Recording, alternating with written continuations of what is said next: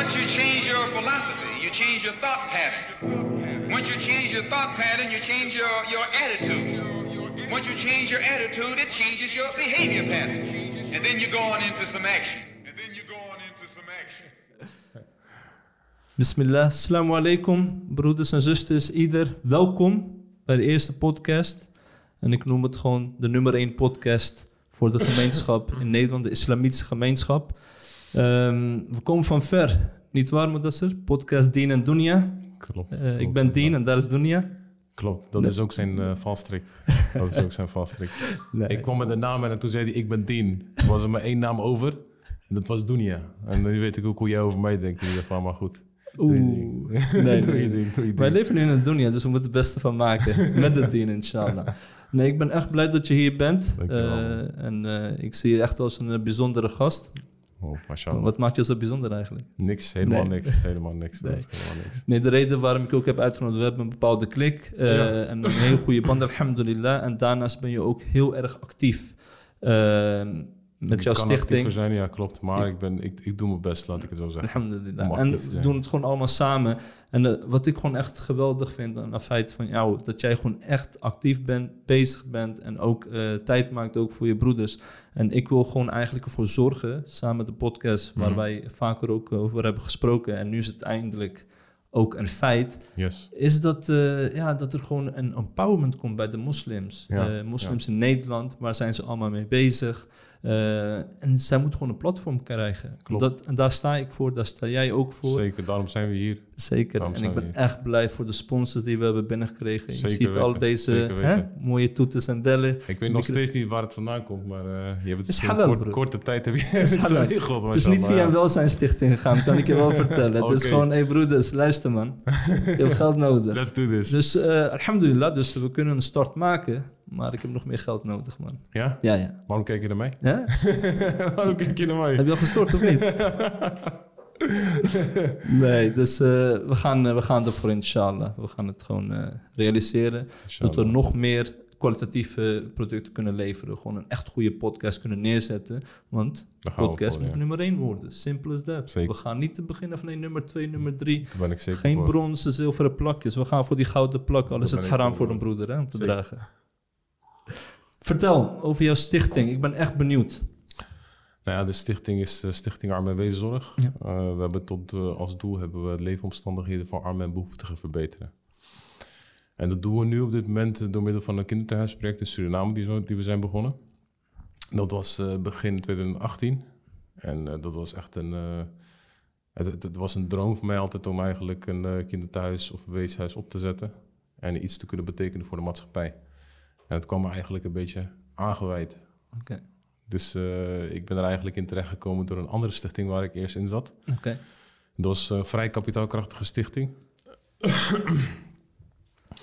en eh, toen eh, waren wij destijds op zoek naar een kinderthuisproject. Ja. En eh, we hebben toen, eh, ik heb toen via een Facebook oproep, oproep via mijn vrouw, eh, kreeg, ik een, eh, kreeg ik een berichtje van, joh, luister, ik heb hier een, eh, een oproep dat een eh Surinaams kinderthuis in problemen zit, financiële problemen. Oké. Zodoende kwam ik eigenlijk in het project terecht. En toen, naderhand hebben we eigenlijk... Het is natuurlijk een heel lang proces Ja. geweest om een kinderthuisproject over te nemen en eh, dan zelf te gaan doen. Ja. Maar zo is het wel eigenlijk gaan rollen. Oké, en welke jaartal praten we over? We dat je het nu gewoon over, echt eh, de eh, knoop hebt doorgehakt van We praten nu ei- eigenlijk... eh, de stichting die heb ik opgericht eind 2017. En ehm, ja, 2018, begin 2018 kregen we de vergunningen om eh, eigenlijk te gaan draaien. Oké. Dat is echt goed om te horen. Ehm, en hoe is de status nu? Heb je bepaalde specifieke projecten? Eh, hoe doe je de promotie? Wat kun je aan anderen vertellen? Hoe je een stichting moet gaan runnen? Ehm, Ja, kijk, over het runnen van een stichting, ja, het- er komt wel zoveel bij kijken. In die zin van, het hangt er vanaf welk project je ook doet. Eh, wat wij nu hebben is een kinderthuis. En ik denk dat elke stichting wel een beetje ander verschilt daarin. Maar kinderthuis is natuurlijk, je hebt met personeel te maken.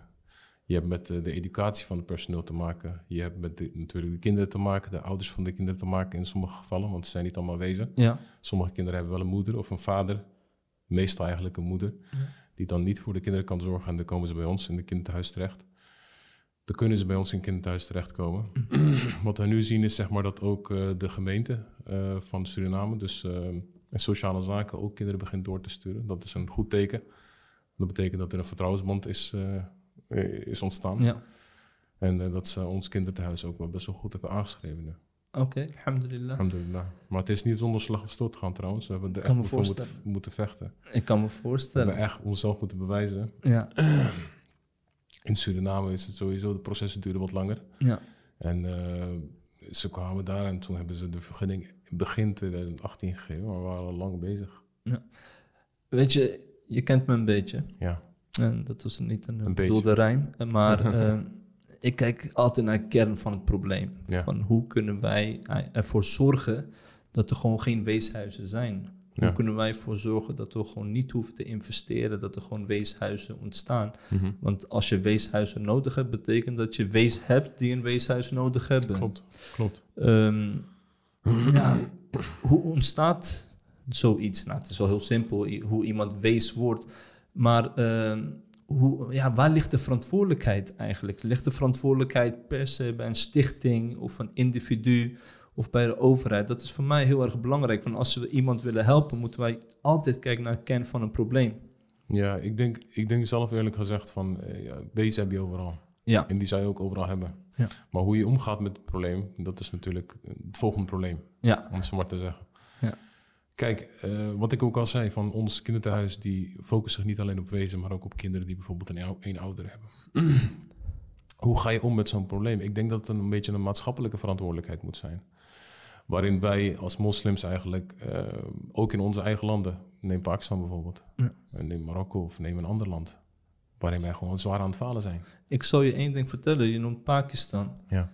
En ik probeer me een beetje in te houden als het gaat om Ja. eh, onze Pakistanen natuurlijk. Ik, ik, eh, ik bijt ook op mijn tong heel vaak. Ja, maar ik weet niet of je de documentaire ooit hebt gezien. Gaat ook over weeskinderen.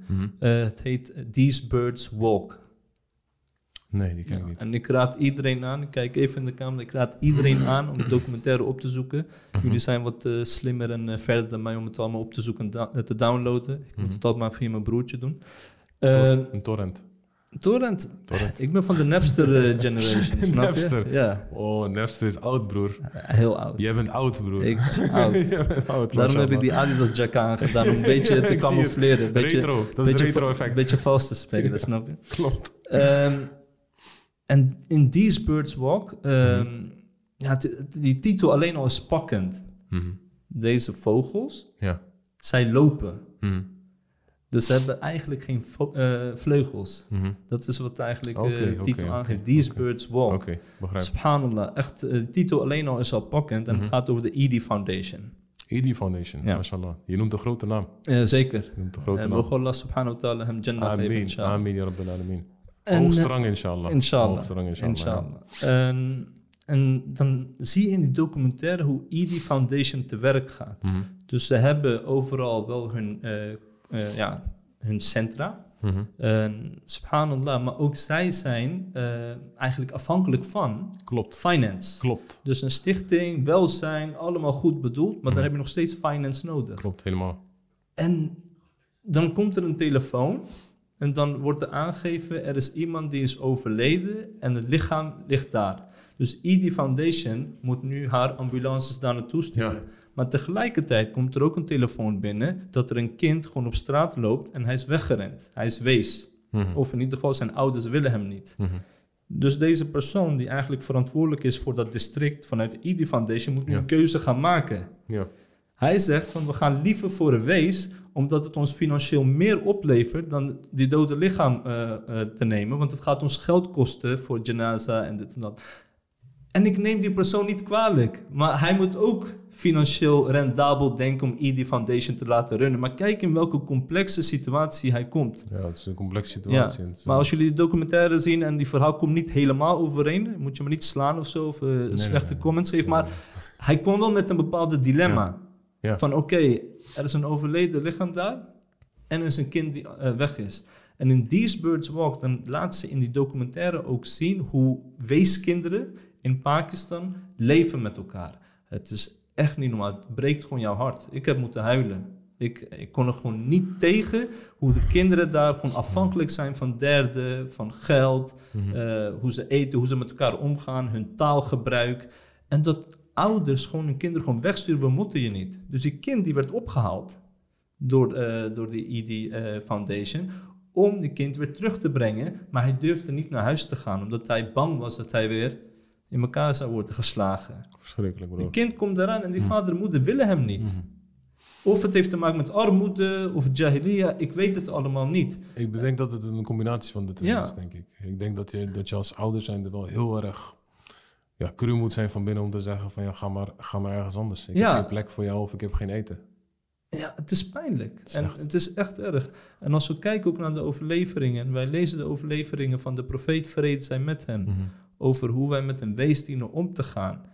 En de profeet sallallahu alaihi wasallam, en daarom inshallah mogen Allah subhanahu wa jullie ook belonen, Amen. Hoe, eh, dat jullie investeren in een weeskinderen. Dat degene die eh, investeert en zorgt voor een wees, hij zal dit zijn met mij in het paradijs. Dus de wijsvinger en de middelvinger werd gewoon verenigd door de profeet Zeker, sallallahu alaihi wasallam.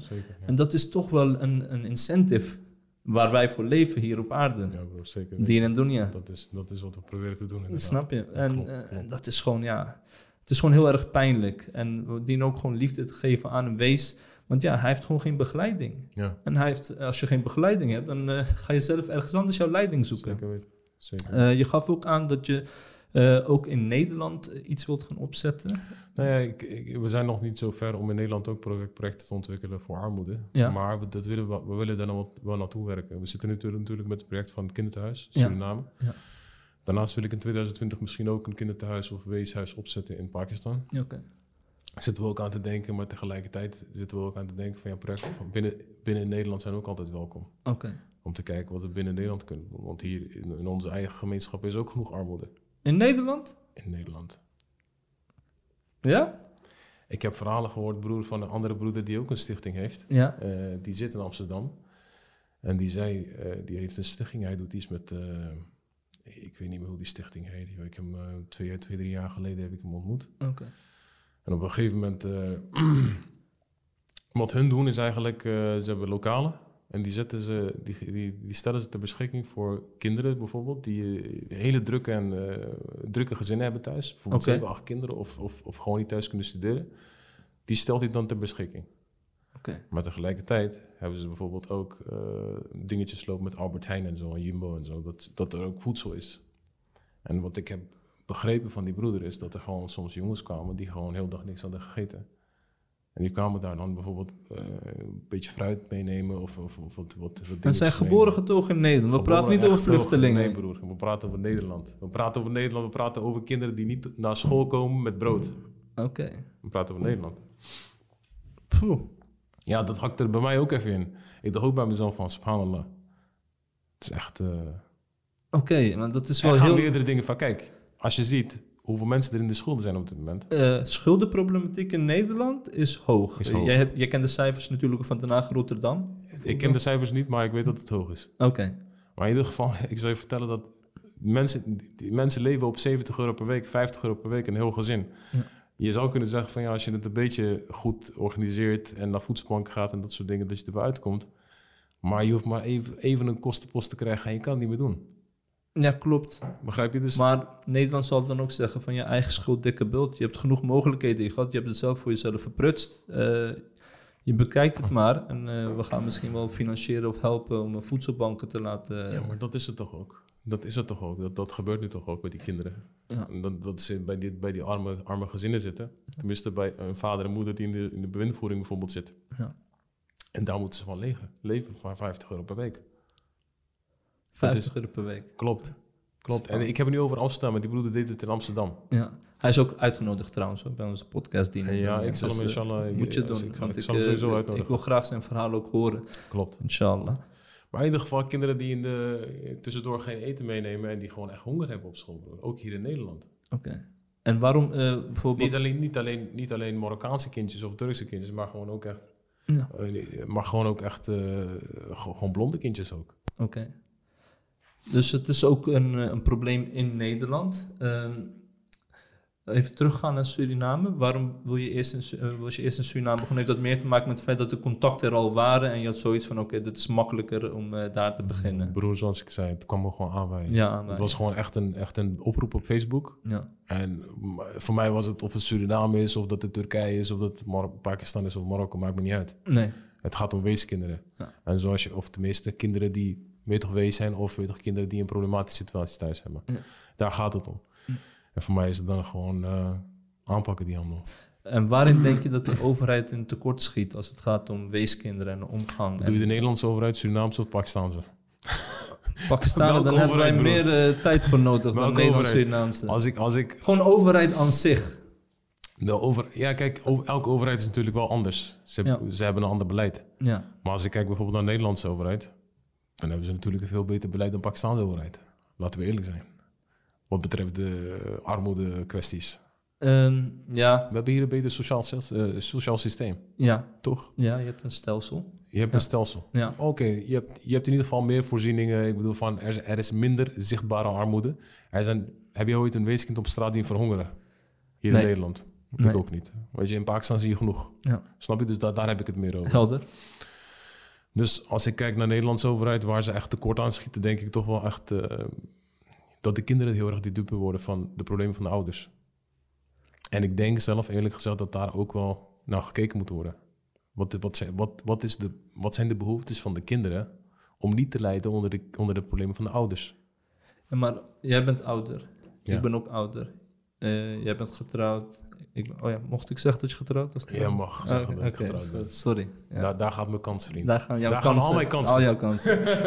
Ehm, heeft het te maken ook met ehm, de verwachtingspatroon van ouders? Dat zij ook eh, kijken naar anderen, dat ze naar een bepaalde lifestyle willen leven. En dat ook door de omgeving wordt gestimuleerd, waardoor kinderen eventueel dupe van kunnen worden. Bro, social media heeft ons helemaal kapot gemaakt. Oké, dat vind ik. Oké. Ja, Maar deze podcast wordt wel uitgezonden, Je kan het gebruiken voor goed. Ik was nog niet uitgepraat, hè? Laat me uitpraten, Bilal. Dat is goed. Je kan het gebruiken voor goed. ja, Maar als je kijkt naar de meeste gezinnen, wat waar het naartoe is gegaan, is gewoon, het is gewoon naar de afgrond gegaan. ja, Eh, mensen zitten eigenlijk op, op, op Facebook en op social media gewoon op zich, zeg maar. eh, hun leven zorgt te verbloemen dat het gewoon bijna eng is. ja. Ja, ik zit laatst met een, eh, met een broeder te, te praten op, eh, even kijken, in een, een Turkse, Turkse eetcafeetje. Kwam een eh, zuster binnen, ja. met alle respect voor die zuster, toen was ze zag er best wel zagrijnig uit. Ja, ze, ze komt binnenlopen, Ja. ze had drie kinderen bij zich. Maar gewoon kwam gewoon geen lachje vanaf en ze was best wel serieus, zeg maar. Die, je voelde zeg maar aan de energie dat het gewoon niet, eh, niet lekker zat, zeg maar, weet Ja. je. En ze kwam echt best wel dicht bij ons zitten. ja. Op een gegeven moment een beetje, weet je, want ik zat deze kant, ik zat zo te kijken Ja. en, en die zuster zit gewoon hier zo met haar kinderen. ja. Ja, dus ik zit zo schuin, zeg maar, tegenover die zuster. Op een gegeven moment, eh, nou, die zuster een beetje mopperen tegen haar kinderen, weet je. Want je hoort het, het valt gewoon op, weet Ja. je. Ja, man, ik zit met die broeder zo te praten zoals ik met jou aan het praten En ben, ja. naast je. En, ja. En, eh, en bro, wallahi, die telefoon ging, kwam eruit. Ja, en toen kwam, toen kwam er opeens een, een lach op haar gezicht. En ze keek lachend naar de kinderen. En toen was het allemaal opeens goed. En klik, en toen was het weer dit. maar was ik gebleven. Maar dit is, het- dit is, dit is social media. Ja. Ja, dit is, wat, dit is wat je wil posten, toch? Je, dit, is, dit is nep. Ja. Heel veel dingen die gebeuren zijn gewoon... Op, op social media is gewoon om mensen de ogen uit te steken. Dat is het jammer eraan. En ik, jammer genoeg doet onze gemeenschap daar heel erg hard, hard Ja. aan mee. En de link met armoede heeft meer te maken van dat eh, iedereen aan elkaar wil laten zien hoe welvarend ze wel niet zijn. Welvarend, of dat het, of dat het eh, gelukkig is, welvarend, weet je broer. Mensen doen de gekste dingen fotograferen voordat ze eten in een vijfsterren restaurant of wat dan ook, weet je. Ik denk bij mezelf van ja. Ja, klopt. Nee, dus in feite zeg ik gewoon de lifestyle en denkwijze vanwege social Sowieso. media. Wat jij en zegt, ik geef, je, ik geef je groot gelijk. Ja, Ik geef je groot gelijk. en dat heeft effect op de kinderen. Maar ja, ik zie, eh, ik zie ook mensen gewoon bijvoorbeeld eh, in onze tijd, vroeger. Vroeger. Joh, als je duizend gulden zou kunnen spenderen aan jouw outfit, dan was je de man. Ja, ja. Duizend gulden. Of ben je meer gewend? Ik eh, zie jou twijfelen. Nee, nee, nee, nee, nee. nee, Ja, nee. ik, ik, vind het idee al helemaal absurd, weet je. Vandaar dat ik Kijk, misschien een beetje je, raar reageer. Nike Air Max, wat zal het zijn? Laten we zeggen 100, 300 gulden, die Air Max. Maximaal, toch? Max. Dat was toen maximaal, toch? Ja, 300 Maar had je, had je, Nee, had je nee, een nee. Max van 300 gulden? Ja, ja, Max. Had je ze? Ja, ja, ja. Max, dan pakken we die Max. Dan pakken we die Max. Ik heb hem nooit kunnen kopen trouwens. Ja, ik ook niet. Ja. ik ook niet. Nee, nee, want Jullie wel, broeders. Ja. ook niet. Oké. Dus, en dan ga je naar de broek. Oké, laten we zeggen, we gaan voor een energiebroek. Ja, 180 gulden. ja. Wat maakt er nu 480? Je pakt nog, eh, laten we gewoon een Levi's blouseje. 60, 70 gulden. Hmm. Of 100 gulden. Ja. 580. Petje van eh, NY of Le- LA Lakers.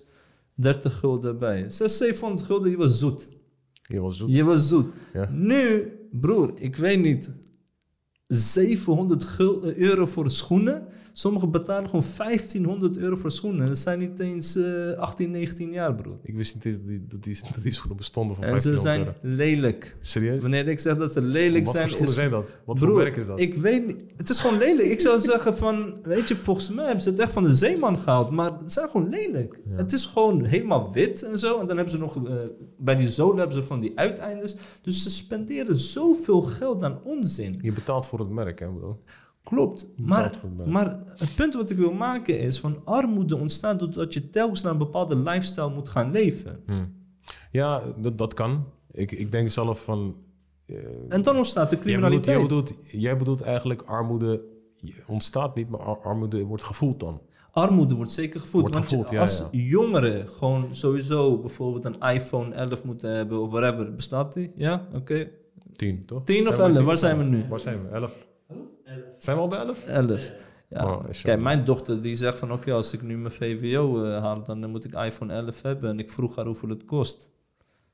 1100 euro. Toch? Of heb ik het verkeerd? Dus 1100 euro, dat is gewoon. Wauw. Snap je wat ik bedoel? Dus ik zeg dat de armoede wordt gevoed omdat iedereen tot een bepaalde lifestyle moet komen, minimaal. Snap je? Ja, ja, ja, en het is gewoon heel erg grappig. Bijvoorbeeld, op een gegeven moment was New Balance was gewoon in. Mhm. Ja? Dus mijn dochter die komt naar me toe. Die zegt van ja, pa, ik moet New Balance hebben. Anders, je weet toch, Ja, ja. een probleem op school. Want ze hebben een kan probleem op school. Dus ik Want ze zeg hebben van een probleem New op school. Balance, ik bedoel, je hebt geen probleem op school. Je zit op taekwondo, dus eh, geen probleem. Mhm. Eh, dus je kunt wel met jouw huidige schoenen kun je wat eh, schade richten. Maar in ieder geval, wat hadden we gedaan? We hadden zoiets van een New Balance, niet de kleur, maat is er niet. Ik koop een Nike's. Hey broer, Nike's. Nike is verloren. Nike is timeless. Dus hoe kun jij verkeerd gaan? Als je Nike's koopt plaats je van New Balance. En, wat, wat zei ze toen? Hoe ga ik nu naar school met dit? Zei ze dat serieus? Hoe ga ik nu naar school? Dat was gewoon een schande, Jannie. Voor haar.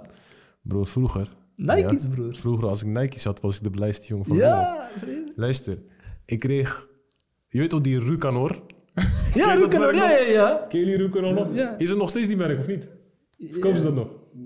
Nieuwe toch? Oké, Rucanor. Ja. En dan hadden ze zogenaamd die eer erin.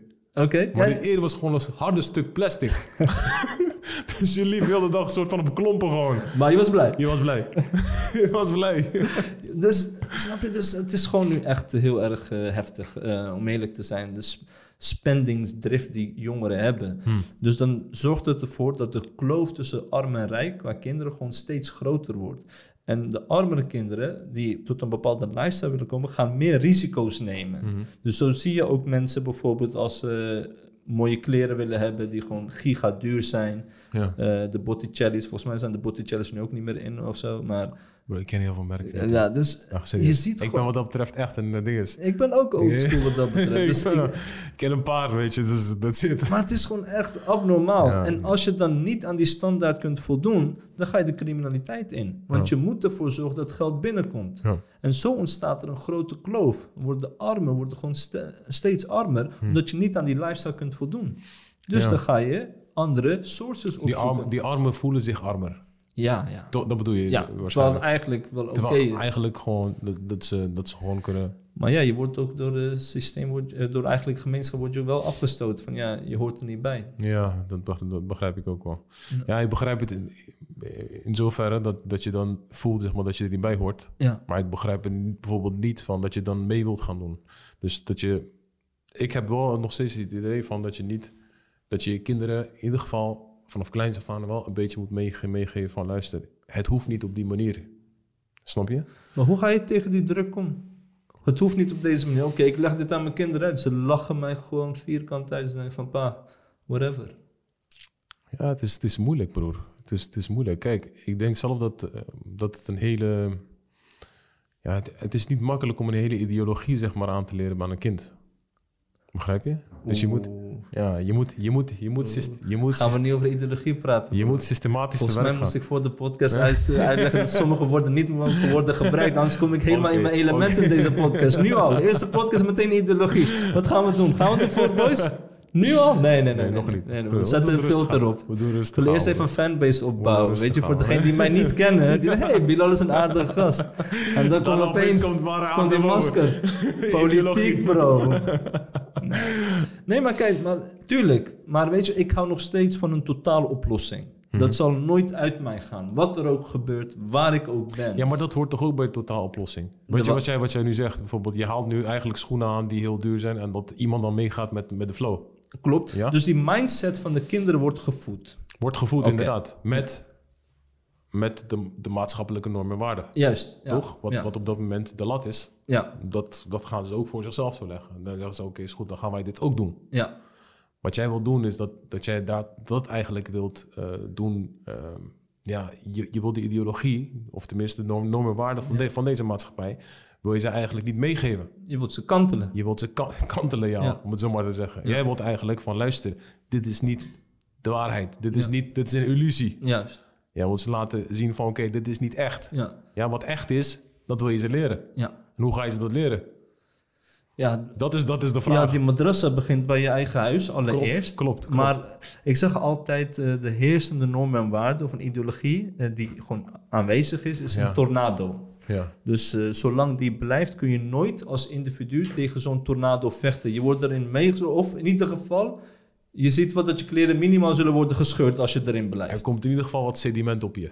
Exact.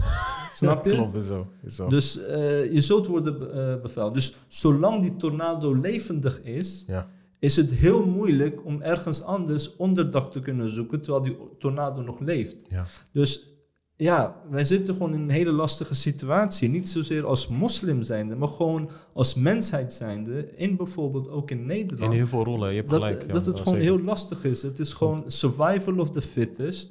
Het is gewoon rumble in the jungle. En iedereen moet zijn weggetje maar zien te vinden. Klopt, en het wordt steeds gekker op straat ook. Het wordt heel erg gek. Eh, het, is, het is gewoon niet normaal. Zelfs, oké, vergeet de kinderen. Jij en ik. Eh, er wordt ook naar gekeken van, oké, wat is jouw status per se? Oh, Mhm. werk je daar? Ah, ben je nog steeds... eh, oh, administratief medewerker? Ah, oké. Oh, werk je bij Microsoft? Ah, oké. Ik ga ja, nu ja, met ja, jou. klopt, klopt, dus, klopt. dus dat blijft gewoon helaas. En als je kijkt naar islam, dan is er gewoon een garantie. Eh, overheid, een islamitische, correcte overheid, die Mhm. niet bestaat, die geeft gewoon duidelijk aan. En dat is op basis van de overlevering van de profeet vrede zij met hem. Ja, minimaal. Voeding, garantie geven wij. Onderdak is een garantie welke wij geven. Kleding, garantie wat wij geven. Dus er worden drie aspecten, dus eigenlijk de primaire levensbehoeften, Hmm. wordt eigenlijk gecoverd door de overheid. Hmm. Eigenlijk maakt niet uit in welke situatie je belandt. Hier is het dog eat dog. Heel simpel. Ah, het is jouw fout dat jij niet succesvol bent geweest. Het is jouw fout dat jij eh, eigenlijk arm bent geworden. Wij geven jou hier mogelijkheden. Dus ja, tuurlijk, er is een bepaalde mate van sociale stelsel. Maar als er geld achteruit loopt, dan wordt die sociale stelsel ook eh, gefilterd. Van oké, dit gaan we nu niet geven. Nee, dat kan ook niet. En zo zie je dat er ook gewoon zwervers zijn in eh, Nederland. Ja, ja. En ik zal je wat vertellen over de, hoe zal ik het zeggen, de eh, bakermat van kapitalisme. Amerika. The founding fathers of greed and capitalism. Mhm. Ehm, bekenden van mij zijn naar Los Angeles geweest. Er zijn er drie stuks geweest. Eh, ze kennen elkaar ook niet. En elk van hen is naar mij toegekomen en heeft gezegd van Bilal, Los Angeles, Mhm. je hebt daar armoede, dat is gewoon niet normaal. Ik zeg, hoe bedoel je? Hij zegt, je hebt zoveel armoede in LA, maar als je gewoon drie, vier minuten elders loopt, is het gewoon Ja. superveel rijkdom. er is gewoon een giga groot verschil in Los Angeles alleen al. Ja. En als, eh, als de mindset van ons niet verandert, dan zal je de kloof zien groter worden. En de armen die gaan echt aan de deur kloppen dat zij ook een stukje daarvan willen. En zo zal er altijd chaos ontstaan, ook in een samenleving. eh, omdat mensen worden bewogen door middel van armoede Mm. om na te denken en in ieder geval aan hun primaire levensbehoeften zal moeten worden voldoen. En islam garandeert dit. En stel je voor, hè, er is in een gebied van islam, is er ergens eh, een tekort. Dus er is armoede of die primaire levensbehoeften kunnen worden, niet worden gegarandeerd. Dan gaan ze kijken naar naburige streken binnen het domein van islam om de tekorten te laten opvullen. Hoe dan ook, iedereen krijgt onderdak, kleding, voedsel. Ik ben met je eens, broer. En dit Dus, vertrekpunt is gigantisch mooi.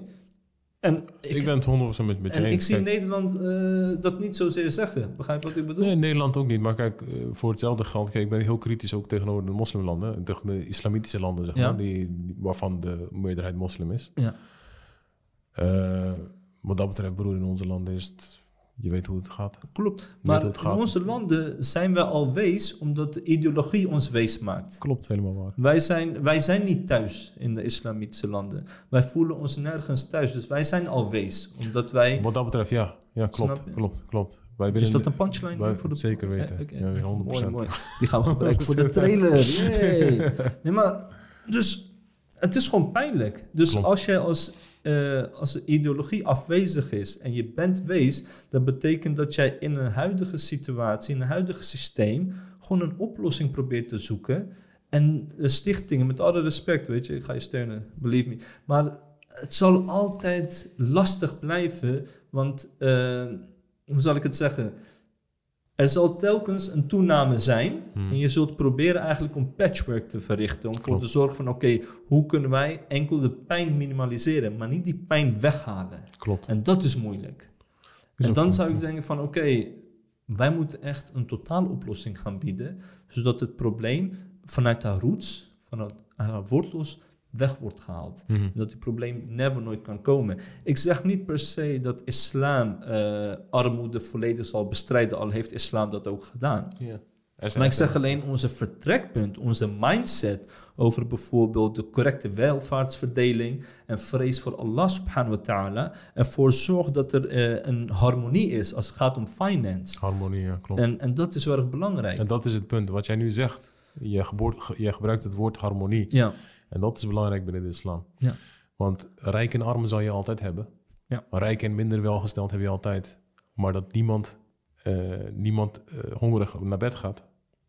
Dat iedereen kleding heeft. Dat iedereen educatie heeft. Dat zijn primaire levensbehoeften binnen de islam. ja, En dat mag niemand tekortschieten. En dat is wat jij zegt, harmonie, harmonie gebruiken nu. ja. En dan is, alles, dan is de samenleving in harmonie. Wat nu op dit moment niet het geval is in heel veel van de landen. ja. Waar wij ook vandaan komen. Ja. Dus wat dat betreft ben ik helemaal met je eens. man. En dit is een message aan alle overheden die daarmee Zeker kampen. Zeker. Maar ja, ze vinden het zo moeilijk om te delen. Dan, dat is jammer genoeg overal zo, overheid vindt het zo moeilijk om te Het is delen. jammer genoeg overal zo. Het is gewoon echt super pijnlijk om dat te zien. Ehm, onze podcast. Kom je vaker bij ons langs?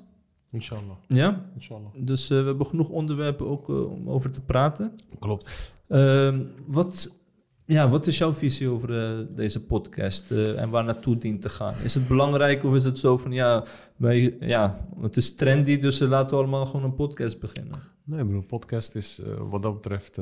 ik denk zelf dat het belangrijk is om bepaalde onderwerpen aan te kaarten. Daarom zit ik hier. Netjes. Ja. Ik ben niet echt een publiekspersoon. Normaal gesproken ben ik niet echt iemand die weet al van... kijk mij hier. Ja? Maar ik vind wel dat bepaalde onderwerpen moeten worden aangekaart.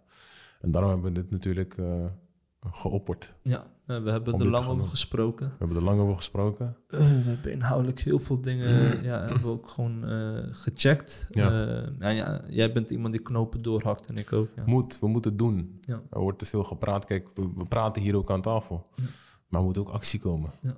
Weet je wel? Ja, kijk, wij praten wel. Ik zeg ook zo tegen mensen die zeggen van ja, jullie praten wel veel en bladibla. Maar wij praten niet, wij overtuigen. En het Hm. begint altijd met praten met het idee om mensen te overtuigen.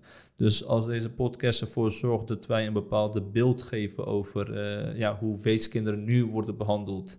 En eh, hoe weeskinderen vanuit de dien kunnen, eh, zullen worden behandeld. Mhm. Hoe armoede nu wordt bestreden of eigenlijk gestimuleerd, helaas. Ja. En hoe islam tegen armoede aankijkt, dan kan het ervoor zorgen dat onze manier van praten of overtuigen, en dat is niet de klassikale manier, Mhm. dat de podcast ervoor zorgt dat mensen aan het denken worden gezet. En als hierdoor een bepaalde mate van publieke opinie wordt gegeven dat mensen aan het denken kunnen worden gezet, Dat dan hebben wij wel veel bereikt. dan hebben we onze Zeker, doel bereikt. zeker, en, zeker. en dit is een, eh, ja, het is nu gewoon zo dat mensen niet heel graag eh, een boek willen lezen.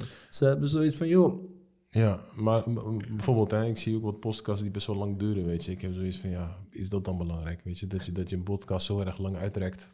Zeg maar dat mensen zich helemaal doodvervelen op een gegeven moment. Aan bepaalde onderwerpen willen ze gewoon niet horen. Klopt, maar het gaat ook om degene die spreekt. Ehm, bijvoorbeeld, ik kan wel 2,5 uur naar een podcast luisteren van een bekende persoon of iemand waar ik gewoon een bepaalde affiniteit mee heb. Of dat het misschien mijn jeugdidool was. oké, of dat dat ik je, dus ja. ik kan dat langer volhouden. Ja, serieuzere podcast, ja, dat wordt gewoon lastig. Dus we proberen gewoon een podcast te Een beetje gebruiken. te mixen is beter Een beetje te mixen door aan te geven van oké, ja oké, misschien eh, mag je mij totaal niet, maar mag je mijn stijl wel. Maar dat je toch wat meepikt en meeleert. Het is niet voor de entertainment per se dat wij hier zitten en zoals je dat ook hebt aangegeven. Ja. Ja. Het moet een beetje een mix zijn van een beetje alles, denk ik zelf. Ja. Een beetje een, een goede balans Ja, van alles. zeker. Wat nog meer? Wat eh, willen wij nog meer bereiken met de podcast? Waarom eh, zijn Maar wij willen, dat, wij willen dat broeders stoppen met skinny jeans dragen. Dat willen wij ook. ik ben het zat, broeder Ibelaat. Wat is dit, man, broer? Elke keer als ik in moskee binnenkom, jeans. broer... dan zit er een of andere broeder op de eerste rij met skinny jeans aan. Hoe kan dat, broer? Vertel me dat. Ik weet niet. eh, in mijn tijd was het gewoon gay, mag ik het zeggen? Broer. Hebben wij een islamitische filter op de woorden die we hier kunnen gebruiken? eh, niemand is hier met skinny jeans, toch? Of wel? nee. We hebben geen skinny jeans broeders, toch? Hey, maar ik, ben, ik, ben, ik ben baggies gewend, snap je? Maar Broer, Ja. relaxed fit. Je hebt loose fit. Je hebt regular fit. Maar waarom pak je die skinny jeans, broer? je hebt loose fit, je hebt regular fit. En weet je wat je ook hebt? Slim fit. Oh, slim fit heb je ook. En je hebt ook misfit. Misfit? Ja. Ja? Skinny jeans zijn Skinny, misfit. oh, skinny jeans misfit. Oh, de, de, zo ver was ik nog niet. Nee, dat is een grapje, bro. Oh, Oké, sorry. Punchline. Ja, Oké, nu begrijp ik. dus eh, ja, er zijn heel veel problemen, maar een podcast over skinny jeans wordt lastig, man. Ja. Dan zijn we snel uitgepraat. Broer, ik, ik wou dit gewoon zeggen op de podcast, weet je dat? Ik mezelf- Als ik het eerder had geval- geweten. Ik moet in ieder geval een, een boodschap uitsturen naar al die broeders die skinny jeans dragen. Oké. En die, en, die, en, die, en die grote moskee komen binnenlopen, want het kan niet meer. Het moet ophouden. Modassar is heel erg rustig geworden. Of korte broek. ja. korte broek, Ja, korte broek kan ook inderdaad. Heb je dat vaker gezien? In de zomer? Korte broek kan ook. Ja.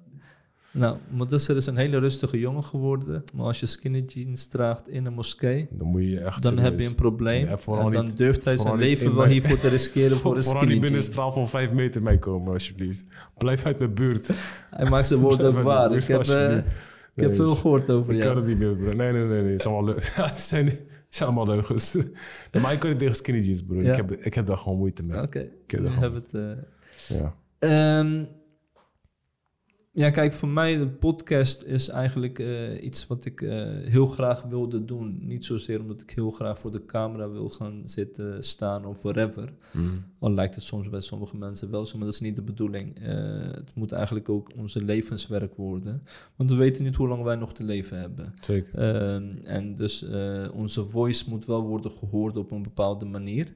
Eh, in deze moeilijke tijden. Want eh, moslims weten niet waar ze het moeten zoeken. Ehm, en heel veel moslims willen bijvoorbeeld wel weten over eh, wat islam betekent. Heel veel moslims hebben ook inspiratie nodig van individuen. Van oké, hoe kan ik alsnog als moslim zijn in het Westen leven? Is het goed dat ik dit doe of dat doe? En heel veel moslims zijn ook bezig in heel veel goede dingen. Maar ja, zij kijken ook wel eens een film of een serie. En dan denken ze van oké, kan ik wel daar wel of niet over praten? Ja. Ehm, oké, maar ik draag deze kleding. Is het raar? Is het, eh? Dus heel veel moslims zitten echt in een bepaalde crisis. Eh, ze willen over islam leren, maar zij krijgen, ja, zij, zij durven niet eh, naar een moskee toe te stappen. Of zij durven Hmm. niet te zeggen van oké, ik ga me inschrijven bij een, eh, bij een organisatie. Ja, En eh, ik denk dat de podcast daar een, een brug in wilt gaan zijn. ja, om ervoor te zorgen dat je wel over de dienzaak kun, kunt Zeker. praten. En zeer zeker ook over de dunya-zaken kunt praten. Binnen het toelaatbare, of course. Ja. Zodat zij eigenlijk gaan denken van oké, dit is waar moslims over praten. Dit is wat hen bezighoudt. Maar ik zie hier ook raakvlakken in. En zodat ze ons blijven volgen. Ja. Maar natuurlijk is onze bedoeling wel dat mensen gaan veranderen natuurlijk. Anders zitten we hier. Ja. Simpel als dat. Laat dat eh, gezegd zijn. Ja, precies. Ik hoop dat het geluid eh, nu gewoon heel hard staat, dat eh, mensen dat horen. Ja, dus wij willen echt mensen aan het denken zetten met een Ja. podcast. Eh, wij willen gewoon moslims ook uitnodigen die eh, met geweldige initiatieven bezig zijn. Of een geweldige idee hebben. Of andere moslims kunnen inspireren of motiveren om bepaalde dingen te doen. Op eh, maatschappelijk gebied zoals waar jij mee bezig bent. Of eh, in de ondernemerswereld eh, waar ook anderen en ook jij mee bezig bent. Sport, eh, noem maar op. Binnen toelaatbare. En, en we moeten weg van dat mensen de dien leren met een bepaalde beperktheid en striktheid. En, en dat je gewoon eigenlijk geïsoleerd leeft. ja, ja. Want wij zijn mensen. Tunnelvisie. Ja, tunnelvisie, zeker. We willen af van de tunnelvisie. Ja, Dat is wat we niet willen. zolang het binnen de kaart van dien is. Want Klopt. Heel veel dingen die ik bijvoorbeeld zeg, kan ook eh, door anderen worden gezien. Nee, deze man heeft een tunnelvisie. Kijk, in dienst zijn heel veel dingen gewoon heel simpel, Mhm. gewoon uitgelegd. Je kunt daar eh, niet een andere mening over hebben. Mhm. Maar het punt is van wanneer, eh, en daarom is de podcast ook heel erg belangrijk. Als mensen afwijken van de kern van onze religie, dan wordt het problematisch. Mhm. Ja, dat ben ik met je eens. En dat is een heel groot probleem. Ja. Want wanneer jij kennis of informatie elders gaat zoeken bij iemand eh, die eigenlijk eh, niet zo goed gezind is met islam, Mhm. ja, dan hebben we gewoon een verloren generatie. Ja, dat ergens, natuurlijk, ik begrijp wel het punt, zeg maar, maar je hebt natuurlijk ook, zeg maar, van, eh, om die tunnelvisie niet te creëren, moeten we wel weten van andere visies. Zeker. Begrijp je? Dus om het te bestuderen, ik zeg altijd, ik ben al voor- voorstander van, weet, op bestudeer wat de ander zegt Zeker. en denkt. Maar ga terug altijd naar de kern. Juist. Dat is, dat is onze religie, zeg maar. Dus eh, je hebt, je, hebt, je hebt ook van die groeperingen binnen de islam, weet je, die zeggen van ja, ga niet naar hun, want hun zijn zo. Of ga niet naar hun, want hun zijn zo. Daar ben ik helemaal geen voorstander van. Oké. Do- do- Doe, ga, leer en kom terug. Ja, zeker. Snap je? Maar dien je wel, oké, je, je snijdt nu wel een interessant punt aan. Mhm. Bijvoorbeeld, ik ben wel iemand, bijvoorbeeld, als iemand met mij converseert over islam. En, ehm, en hij zegt van ja, ik heb die know-how en die tools heb ik niet om bepaalde afwegingen te kunnen doen. Mhm. Zou je hem dan wel daar en daar naartoe sturen? Kijk, ik ben bijvoorbeeld, je moet zo denken, je moet denken als een ouder. Zou jij bijvoorbeeld jouw kind zeggen van oké, ga maar daar luisteren, ga maar daar kijken. Nee, ik zou heel beschermend zijn. Ik zou eerst mijn kind gaan testen, bijvoorbeeld. eh, ik geef een voorbeeld trouwens. Dat is een leuke. Nu je het daarover hebt. Is you ready? Ja, tuurlijk. Altijd. Oké. ehm, eerst was ik heel erg boos over de situatie en daarna was ik wat kalmer geworden. Mijn reactie is vaak al een beetje emotioneel in het begin als ik een contrast zie ergens. weet je. Pakistan, dat is normaal. Pakkels. Ja, is jouw probleem. Ja, van, Mijn eh, probleem, jouw probleem. Echt zo. Die Jullie probleem. Ja. Zo van Ekionda. Ja, precies. We vertalen het wel voor jullie, geen probleem. Mijn dochter die kwam thuis. Hm. En ik weet niet of ik een probleem ga krijgen, maar ik ga de naam van de baas gewoon niet noemen. snap je? Ik heb daar ook belangen bij. ben Beter, ik nu al politiek bezig. Beter niet. maar oké. Eh, jullie heeft maar één kind, dus ik ga het nu zeggen ook. Oké, ehm, mijn dochter kwam thuis en zei van oké, ik, heb een, eh, ja, ik heb een interessante les gehad van eh, een rabbijn die uitleg gaf over jodendom. Hm. Dus ik dacht oké, gewoon, weet je, Ja. eerste reactie is... Je wordt eh, nu al grimmig. Ja, Je snap je? wordt nu al duister. Oké. Oké. Je stem verandert En, zelfs. en ik zeg je eerlijk, weet je, toen kwam die oude Bilal in van oké, ja. snap je? Ja, ja. Maar toen dacht ik bij mezelf, hey Bilal, volgens mij had je aan jezelf beloofd, als jouw kinderen ooit in problemen gaan komen en ze praten met jou daarover, moet je altijd ervoor zorgen dat je de situatie naar jouzelf toe brengt en dat je hun laat leren. Maar dat vergeet je even die eerste twee seconden, snap je? Ja, ja, Van ja. Bilal, nee, nee, nee, niks aan de hand. Dit is weer een leermoment, zodat je kinderen kunt educeren, Bilal. Ja. Dus je weet toch, die andere stem die zegt tegen me, Bilal, rustig, rustig. Oké, dat is goed. Dus ik gebruikte de modus van, je bent een volwassen vader, Bilal, dus je gaat uitleggen. Dat is altijd handig inderdaad. En handig eerst moet je, het- blijven. ja, precies. Eerst moet je assessment van de realiteit Dat is belangrijk. Snap je? Eerst ga ik zeggen van oké, is goed. Wat heeft er precies afgespeeld dan? Mhm.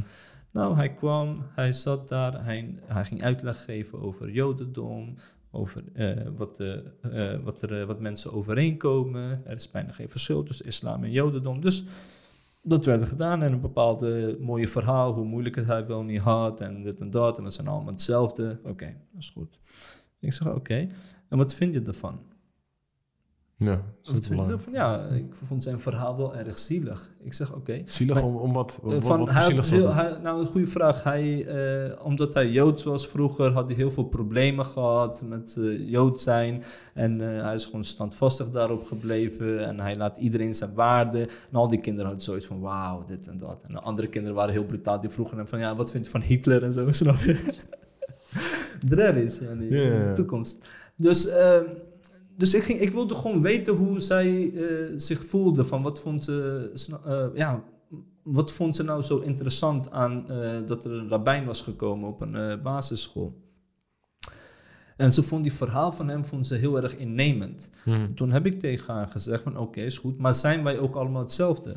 Joden, christenen, moslims. Ik bedoel, omdat wij verschillend zijn, betekent niet dat we haatdragend moeten zijn. Er is een groot verschil. Bijvoorbeeld, jij en ik kunnen ook verschillen over bepaalde dingen. Oké, dat ja. wij dezelfde religie aanhouden daar en toe. Maar ik kan gewoon ook heel normaal omgaan met andersdenkenden. Dus ik hoef niet per se haatdragend te zijn, tenzij mij een reden geeft om haatdragend te zijn. But you started though. Mhm. Zo, Ja, ja, oké.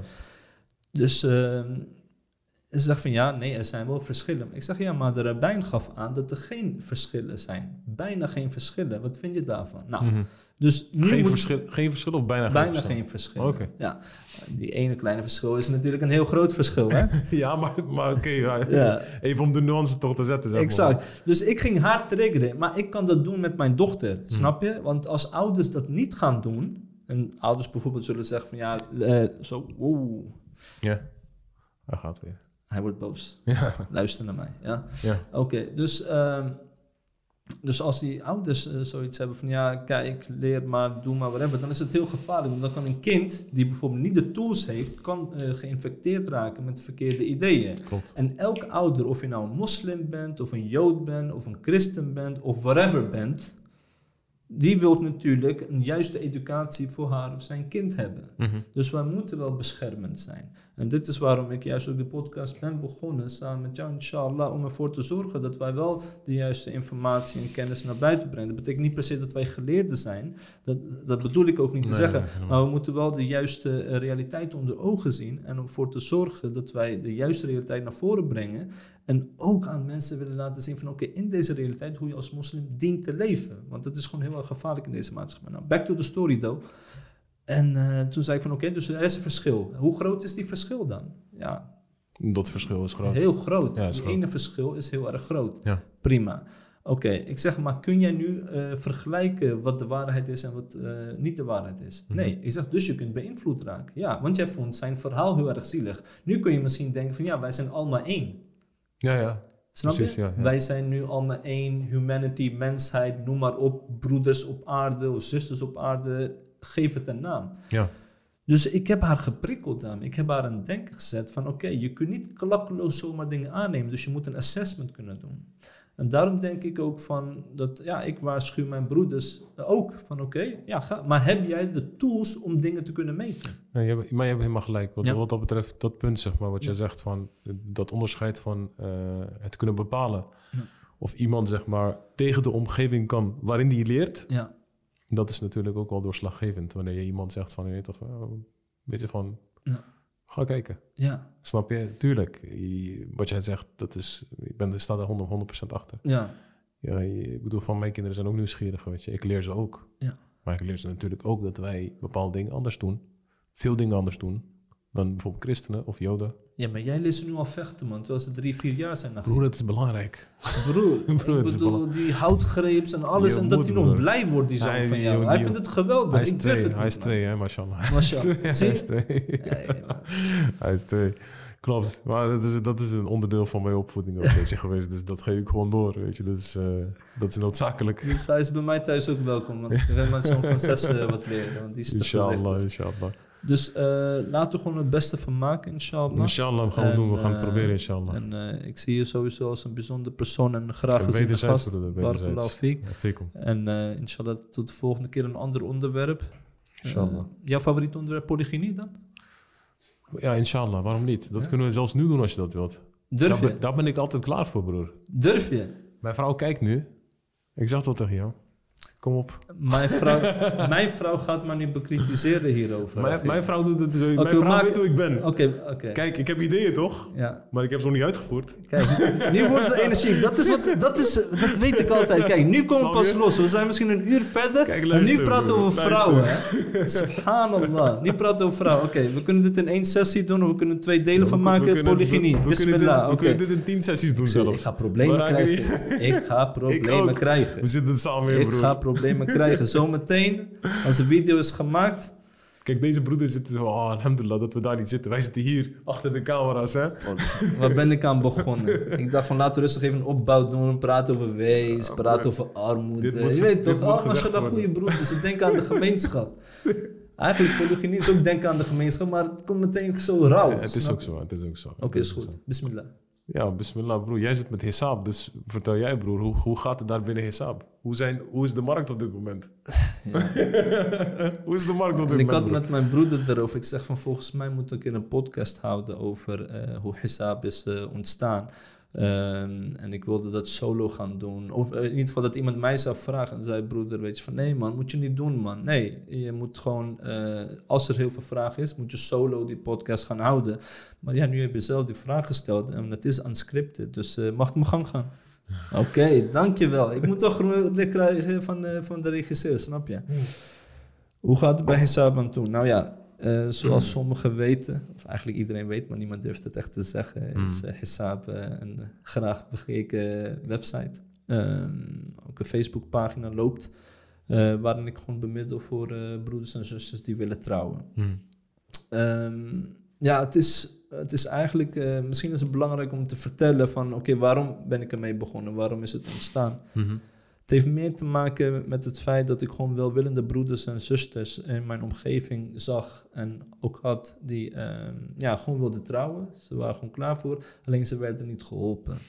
Dus eh, en als je lang genoeg niet wordt geholpen, dan eh, blijft Shaitan natuurlijk aan de deur, deur kloppen. En die zegt van, joh, Ja. probeer dit en dat uit. En hoe lang kun je nog tegenhouden? En dan gaan mensen gewoon in zina vervallen. En dat is gewoon pijnlijk. Klopt. En dat is gewoon verschrikkelijk. Klopt. En dan zie je gewoon moskeeën en individuen daar helemaal niets aan doen. Ze doen er helemaal niks mee. Ja, mijn reputatieschade. Ja, ik durf het niet. Of mensen doen het undercover. En terwijl ik zoiets heb van, hé, hey, wacht eens even. Ik zie ook mensen om me heen die zijn gelukkig getrouwd. Alhamdulillah. Zij voelen de sakina, ze voelen die rust. Waarom doen wij hier niets aan? Dit is zo'n eh, grote en kwalijke zaak. Mhm. Want de generatie, eh, generaties gaan niet kapot aan. Ja. Een ander ding is, eh, dat eh, ja, is eh, wat meer persoonlijk. Het is, voor heel veel mensen was het ook niet makkelijk om te kunnen trouwen, maar het is alsnog gelukt. En, en dan zet je dat gewoon aan het denken. Waarom wordt het voor mensen zo moeilijk gemaakt om te trouwen, terwijl trouwen een, een uitkomst kan bieden? Sowieso voor een individu om niet te zondigen, maar juist ook om een absolute meerwaarde te zijn voor de maatschappij. Ja. Dus ik ging ja, toch protocollen schrijven, processen, hoe moet allemaal in zijn werking gaan. Als ik begin, dan begin ik met de pen. en Pap, pap, pap, pap. Dus ik vraag toestemming aan mijn vrouw. Ik zeg tegen haar, luister, maar dit is wat ik van plan ben. Eh, als jij toestemming geeft, ga ik het doen. Want er gaat aardig wat tijd in eh, worden gestoken. Dus Mhm. hij gaf wat toestemming. Ik plaats op Facebook. Ik zeg, bij 75 likes ga ik het doen. Die kwamen heel snel. Je, vroeg, je vroeg wel toestemming om je vrouw, hè? of van je vrouw. Ja, hè? moet wel. Want Laat, ik laten we dat wel gezegd hebben, zeg maar. dat is wel een belangrijk element hè, van het eens. Nee, maar ik bedoel van, weet wel, van, ze, nemen natuurlijk aan van moslims die vragen geen toestemming, ze doen gewoon alles wat ze willen en dat soort dingen. Ja, Maar je geeft nu wel echt Nee, zo'n beeld weer van toch, Ik ben een heb- hele dominante, jaloerse persoon. nee, nee, nee, nee. Mevrouw weet dat ook. Ik ben totaal geen eh, gezellige persoon thuis. Eh, maar ja, ik vroeg wel om haar toestemming, omdat ik vind, eh, kijk, ik wil niet dat de tijd met mijn vrouw en kinderen daardoor eh, ja, minder wordt. Dus Ja, wij moeten wel van op de hoogte tuurlijk, zijn van tuurlijk, oké, dit is iets wat ik heel graag wil. Hm. Ehm, en als ik echt ervan overtuigd was dat ik het zou moeten doen zonder haar toestemming, had ik het ook gewoon gedaan. Dus ik ben daar heel simpel in. Maar ik vind wel dat zij recht heeft om haar mening daarover te geven. En daarnaast heb ik haar ook nodig, eh, want ik weet ook niet per se hoe een vrouw denkt. eh, van oké, als ik met een bepaalde match bezig ben, ja, wat is jouw visie daarop? Hoe, kun ik dit, hoe kan ik dit en dat aanpakken? Ja. En dat loopt gewoon eh, goed. Dus ze is een grote steun voor mij. Alhamdulillah. alhamdulillah. Ehm, en ja, daarna ben ik ja, iets meer dan vijf jaar ben ik nu gewoon daarmee actief. Ehm, dat waren gewoon de voornaamste redenen om het echt te beginnen. Om eigenlijk Sina gewoon tegen te gaan. Goed om mensen die eh, gewoon geen netwerken hebben en nergens terecht kunnen, Mhm. dat zij gewoon worden geholpen. En zo simpel is het. Als Allah subhanahu wa ta'ala jou gewoon een gelukkig huwelijk geeft, je hebt gezonde kinderen en mij ook een gelukkig huwelijk geeft. En gezonde kinderen, die heb ik ook, alhamdulillah. Waarom zouden wij dat niet voor de gemeenschap kunnen wensen? Nee, dat is ook zo. Ehm, en, en ja, en als je gewoon sterke, goede, gezonde huwelijken hebt, van waaruit gewoon sterke eh, kinderen met de juiste mindset van islam natuurlijk eh, ook opgroeien, dan krijg je een sterke generatie. Mee eens, zeker weten. En daar, eh, daar wil ik natuurlijk mijn steentje aan bijdragen. Dus alhamdulillah. Mashallah. Dus dat is het idee erachter. Oké, fast forward meteen springen naar polygynie. Ehm, ja, kijk, je hebt natuurlijk broeders die willen trouwen terwijl ze al getrouwd zijn. Toch? Ken, je- ken je mensen? Maar ik, ik, ik weet het niet. Nee? Oh. hier? Ah. Hier? Ah, nee. Nee, Want maar, ze weten helemaal niks nee, van. nee, maar kijk, in principe is het zo dat elk man, zeg maar, die zou uiteindelijk wel, zeg maar, eh, dat, dat willen. Geen enkel, ik ben geen enkele man tegengekomen. Ik, wel- Bilo Arif, distancieer mij volledig Luister, van Bilal, hetgeen Mudassir. Luister, Nazir uit Rotterdam zegt. Iedere man, Ik heb ook geen pokerface, lukt maakt gewoon niet. uit, Nee, ja, het is iedere man die een beetje dingen heeft, die een beetje normale eh, fysiologie heeft, weet je, die, Je wilde wat anders zeggen, die- maar oké, ik laat zou- je gaan. Ik laat zou- het gaan. die, die zou er niet van terugdeinzen als een eerste vrouw zegt van... joh, luister, maar maakt niet uit als je een tweede vrouw neemt. Ik weet het niet. Want, kijk, ik zie polygynie als heel... eh, ik heb een ander vertrekpunt. Ik vind, eh, als jij eh, bijvoorbeeld eh, voor een lust doet... Dat is een toegestaan argument. Dat kan, dat kan, ja. Dat, dat, Dat kan. Dat mag. Ja, Het maar- is niet zo dat het niet mag. Eh, je mag het doen. Maar wat ik belangrijk vind, is van het concept van polygynie zorgt er wel voor dat andere vrouwen die of gescheiden zijn of voor welke reden dan ook niet kunnen trouwen of ook kinderen hebben, dat zij door een man kunnen worden beschermd. Want eerlijk is eerlijk, als de polygynie begint en eh, je hebt gewoon twee à drie of vier vrouwen, veelal is het zo dat je gewoon bij je eerste vrouw blijft als de tweede moeilijk gaat doen. Snap je? Want je gaat terug naar home base. Je gaat terug naar het fundament. En dan denk ik van oké, ja, je hebt een islamitisch recht. Ja, je hebt misschien halal gedaan. Maar ben je ook echt gaan strijden voor je tweede huwelijk, net zoals je bent gaan strijden voor jouw eerste huwelijk. Dus degene die bijvoorbeeld willen inschrijven of bij mij gaan pitchen van joh, ik eh, ben op zoek naar een tweede vrouw. Je moet eerst wel financiële mogendheid hebben. Ja, sowieso. En Ja. dat is in deze Trouwens, Hesab is niet voor eh, broeders die een tweede vrouw zoeken. Hè? Let's get it straight. Ja, maar dat is in deze tijd al bij, zo erg lastig... dat je de rechten eigenlijk niet zou kunnen voldoen bijna. Snap je dat je de, dat je, dat je de lasten van twee gezinnen zou dragen? Volledig. Nee, dat eh, ben ik ook niet met. Nee, je kunt wel eh, lasten van twee gezinnen dragen. Stel je voor. Hè, maar je ik bedoel, van, je, je hebt het nu over financiële mogen, mogendheid, toch? Ja, maar financiële mogendheid betekent niet dat je twee huishouden volledig op finance eh, per se runt. Hè. Bijvoorbeeld, en ik promote het nu niet per se, hè, maar I'm just saying. Hè. Mhm. Jij bent getrouwd en jij kunt bijvoorbeeld niet bijvoorbeeld 2000 euro per maand per gezin geven. Dus 4000 euro. Maar je kunt wel één familie kun je wel eh, voeden. Dus je eigen gezin die je nu hebt. Maar als, er een, eh, als jij bijvoorbeeld wilt, een tweede vrouw wilt en zij heeft haar eigen finance, zij hoeft niet per se van jouw finance te leven. Dus er zijn altijd mogelijkheden en on- onderhandelingen gewoon mogelijk. Een vrouw kan ook afstand doen van onderhoud. Een vrouw kan ook afstand doen van bepaalde dagen. Dat is, haar, eh, dat is de ruimte die haar wordt geboden. Dat is haar rechtvaar- rechtvaardigheid. Dus heel veel mensen vergelijken gelijkheid met equal time, equal finance. Dat is niet het geval, voor Klopt. zover ik weet. En ik kan worden eh, Nee, nee, nee. Ik, ben- tegengesproken Ja. daarin. Maar eh, zo is het zeker niet het geval. Maar wij hebben hier vaker over gesproken. Hè? Kijk, ik bedoel, Ja. van, je weet, onder broeders nee, we hebben hier... niet vaker over gesproken. We hebben hier vaker over gesproken. En onder de broeders wordt hier vaker over De gesproken. broeders praten vaker over. Ik praat alleen hier. Bro, je kan jezelf niet meer indekken. We zijn hier over begonnen. Kunnen we volgende take doen? Je maakt het nu al ongemakkelijk voor mij. Nee, nee. We hebben hier vaker over gesproken. En wat is nou het kern van het probleem waar wij altijd over praten?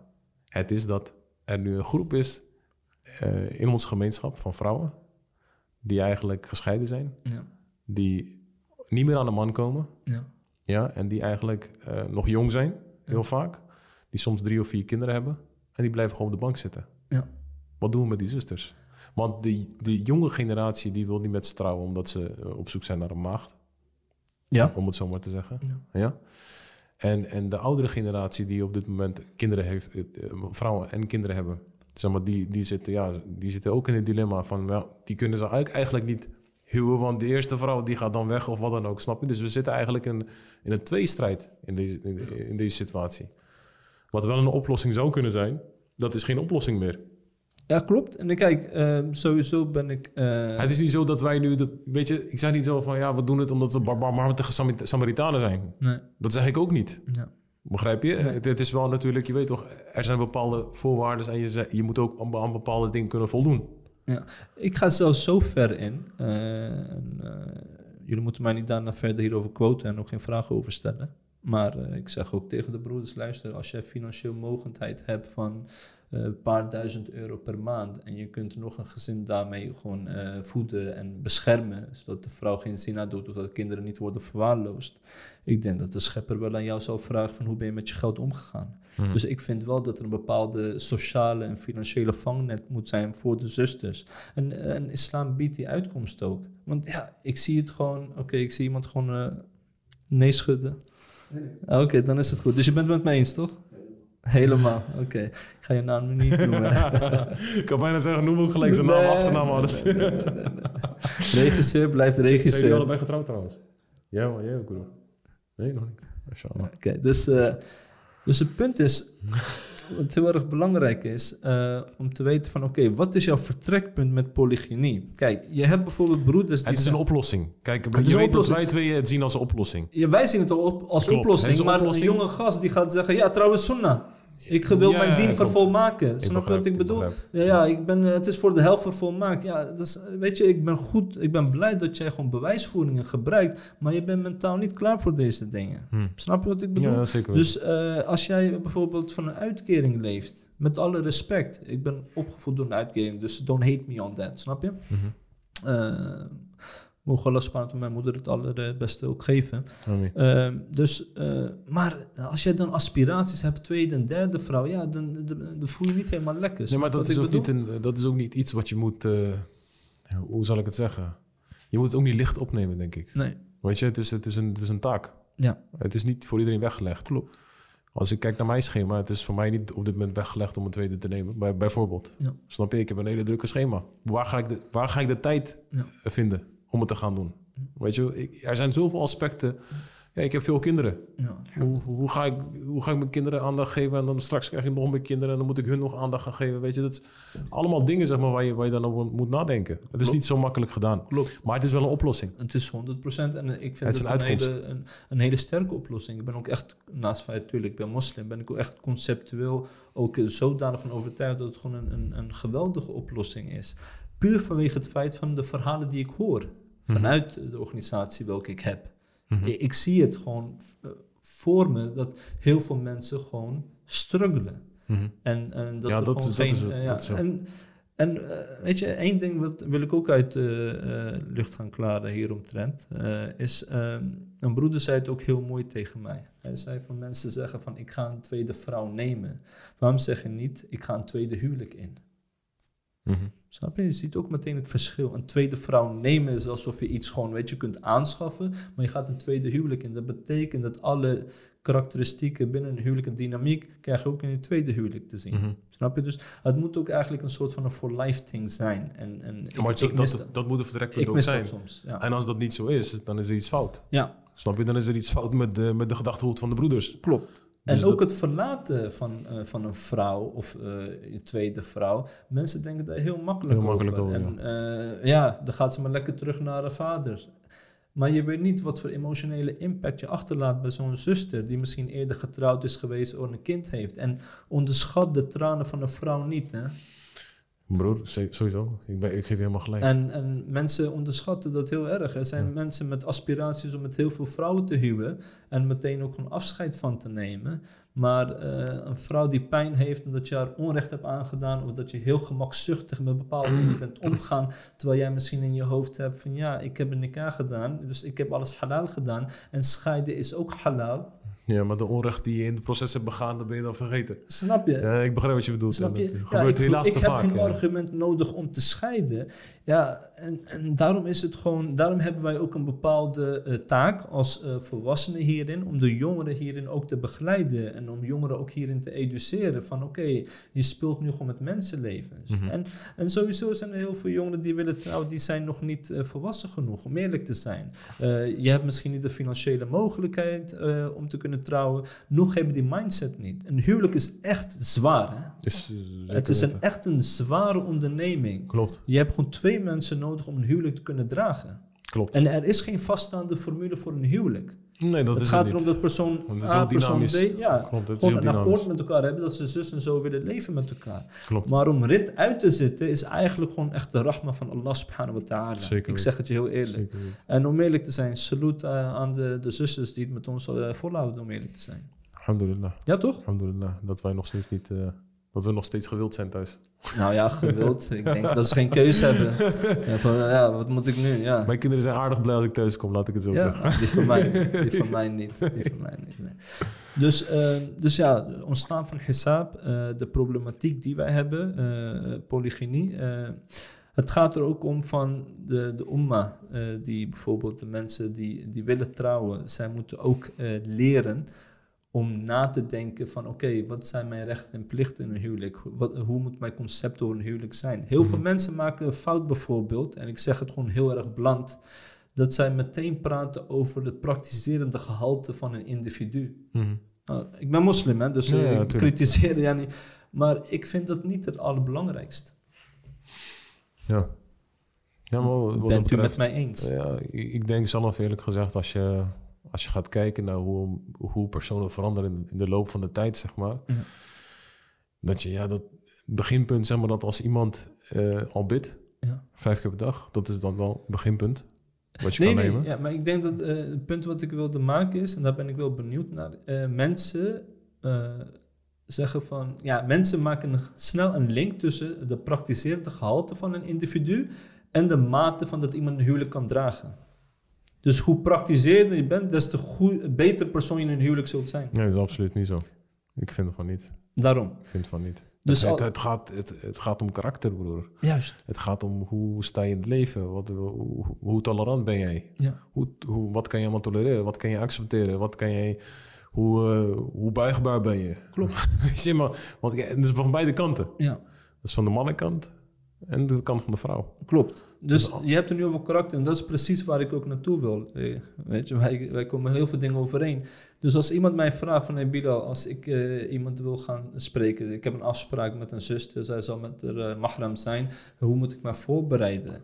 En dan ben ik gewoon heel kritisch naar degene toe. Maar meesten beginnen meteen van, ja, ik wil weten of ze vijf keer per dag bidt, hoe ze tegen islam aankijkt. Dat is goed. Maar ik zou eerst praten over hoe haar verleden was. Niet zozeer over de activiteiten die ze heeft verricht. Begrijp me niet verkeerd. Maar haar karakter Haar is karakter. gevormd Ja, door haar levensloop.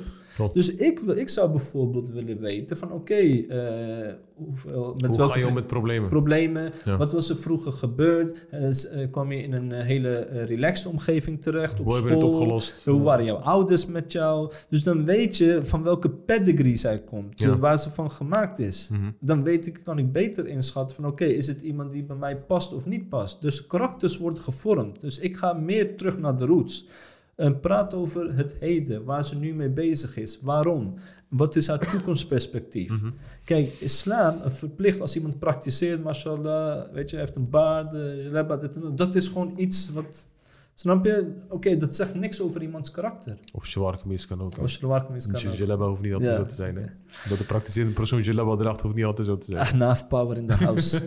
Ehm, dus dat is heel erg belangrijk. Ik wil dat de broeders en zusters dit wel meenemen. Dus ik kan Ja. alles vergeten wat er in de podcast is gezegd. Maar dit is wel heel erg Ik belangrijk. ben helemaal van- met je eens, dat wanneer jij Ja. een gesprek voert met een zuster, Ja. of eh, een zuster voert een gesprek met een broeder, eh, dat je toch meer te weten komt over iemands eh, levensloop, zodat je die persoon beter kunt begrijpen, zodat je weet waarom hij zus en zo is. Zo kun je ook in de toekomst beter inschatten waar eventuele fouten in kunnen zijn. Hmm. Als iemand in een gebroken, ja, vanuit een gebroken huis eh, komt, Ja, heeft hij een andere, kan hij een andere mindset hebben. klopt. Niet iedereen kan omgaan met tegenslagen of problemen.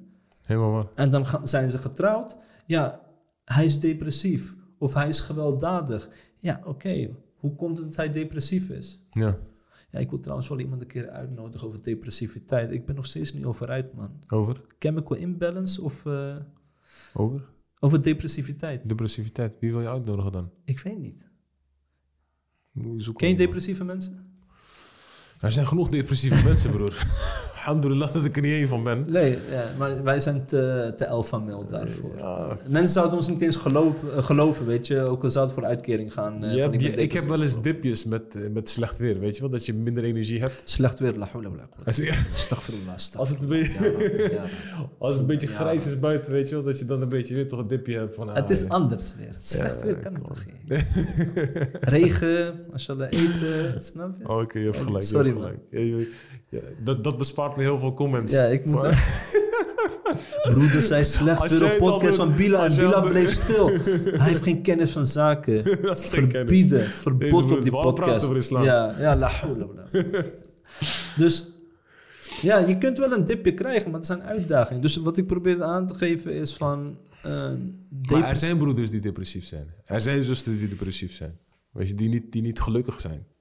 Oké, maar hoe ontstaat het feit dat je niet gelukkig bent? Komt het een tekort aan, eh, weet ik veel, stoffen? Of komt het eh, doordat je een bepaald verkeerde concept hebt? Kijk, ik heb zoiets Het van, heeft yo, met zoveel factoren te maken, weet je. ik weet het niet, man. Ik Daarom denk zeg dat- ik, ik denk heb dat het met veel nodig. factoren te maken heeft. Ik Ik, heb denk, dat het, ik denk niet dat het één, één oplossing is met depressiviteit. Ik denk dat het wel meerdere dingen zijn. Oké, wij moeten gewoon... Dat denk ik. Wij moeten gewoon onze emo gewoon echt op de podcast gaan vermelden. Ik ben op zoek naar een dokter, een moslimdokter, die mij haarfijn gaat uitleggen. Ik heb er eentje op LinkedIn, man. Ik, ik ga even kijken. Dan moet je me linken. Ja, ik ga even kijken. Die was, die was goed trouwens. Hij schrijft sterke stukken. Is volgens mij een Nederlandse bekeerling zelfs.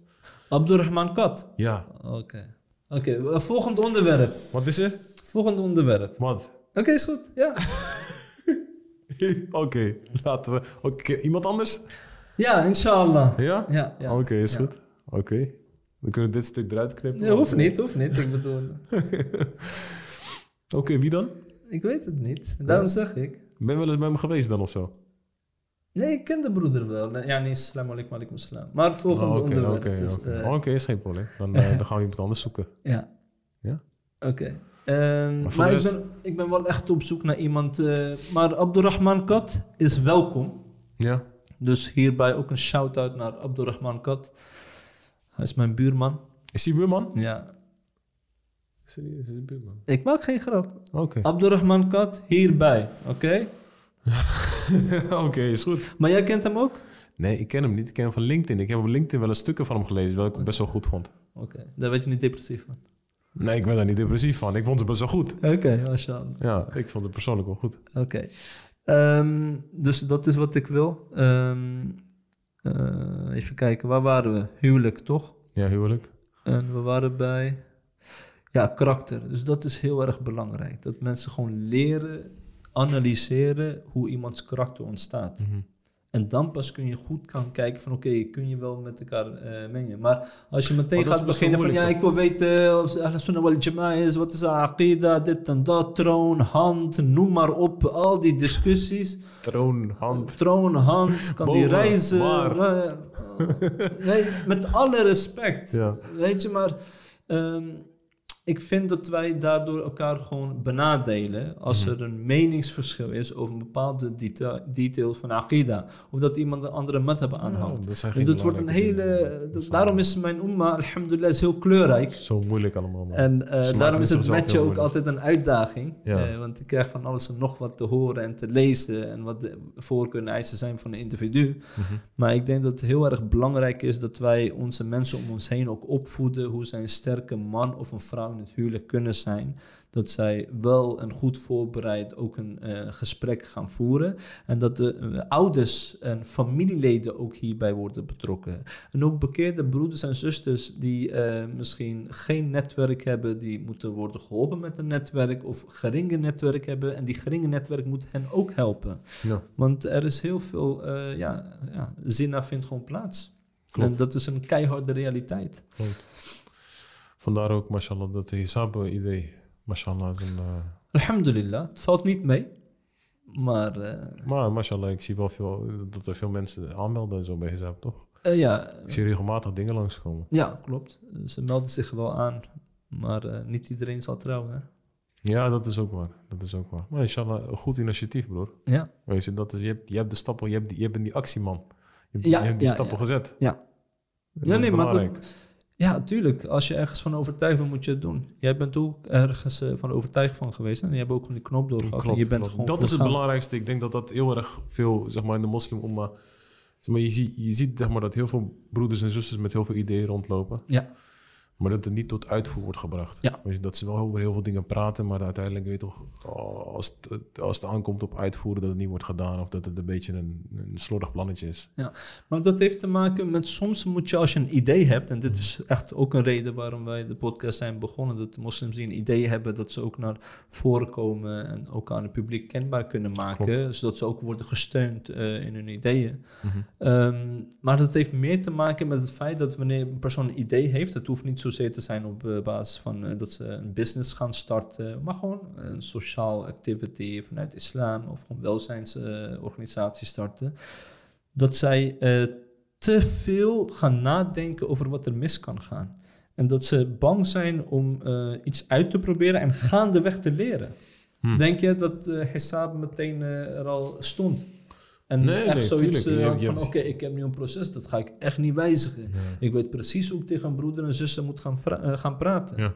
Eh, nee, bijvoorbeeld als ik een, een inschattingsfout mag vertellen. Ehm, een zuster was ingeschreven en ik had een interessante kandidaat voor haar. Dus ik stuur haar een e-mail. Mhm. En ik zei van, ja, dit is een hele interessante broeder. Dit zijn de pluspunten en dit zijn eventuele obstakels. En ik zei tegen die zuster die een kind heeft... en hij accepteert ook jouw kind. En ik stuurde. Zij wordt heel erg boos op mij. Zij accepteren, mijn kind is geen product. Ik dacht, subhanallah. Ze heeft gelijk. Ja, maar, eh, je, Nee, maar- bedoelt- je bedoelt het natuurlijk niet zo. Ik, nee, tuurlijk, ik bedoel... Maar als je de e-mail gaat lezen, het hij accepteert alsof een kind een last is. Ja, ja, ja, oké, dat bedoel je. Ja. Ja, Snap je? Dit zijn de beginnersfouten Ja, die je maakt. ik Ah, begrijp het. Ik accepteer jou. En hoe doe je dat nu dan? Hij omarmt jou. kind. Oh, mashallah. Hey, dat, is een, dat is een goeie. Ja, toch? Dat is een goeie, ja. Dat is een workaround. Ja, hey, snap je? ja, Hij omarmt jouw kind. Ja.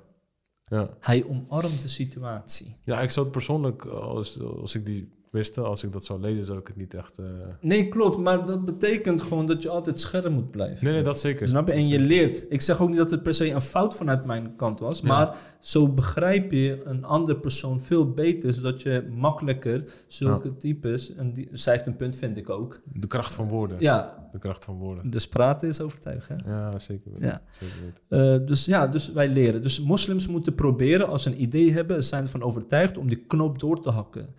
Eh, Ja, en, en niet te veel gaan nadenken. broer. sommige Ja, dat- zijn echt heel inventief in business. Ze zijn echt, mashallah. Eh, Sommige en- en ze- broeders, ja, als ik hoor wat voor ideeën ze hebben, broer, denk ik bij mezelf van, dat jij nog geen miljonair bent, dat, dat verbaast me echt. ja. Maar dan komt de uitvoeren, dat, het uitvoeren. Ze zijn nog geen miljonairs? Nee, jammer genoeg nog niet. Nodig ze Niet allemaal. Misschien kunnen we samen miljonair worden. dus, ehm, dus dat is het. Je moet wel decisive zijn. Ja, Je moet wel execution kunnen doen. klopt. Dus als je van idee alles. hebt en je bent van klopt, overtuigd, klopt. denk je dat ik overtuigd was per se van of Hesab zou lukken of niet? Nee. Hoefde niet. Maar ik twijfelde niet. Ik was niet bang. Ja. Jij twijfelt ook niet. Jij bent ook niet bang. Je hebt ook bepaalde dingen lopen. En je moet doen. Je moet, Je moet gewoon doen om te doen. kunnen ervaren. En je moet niet bang zijn om te kunnen falen. Want als je bang bent om te falen, zul je ooit zelf wel falen. Altijd.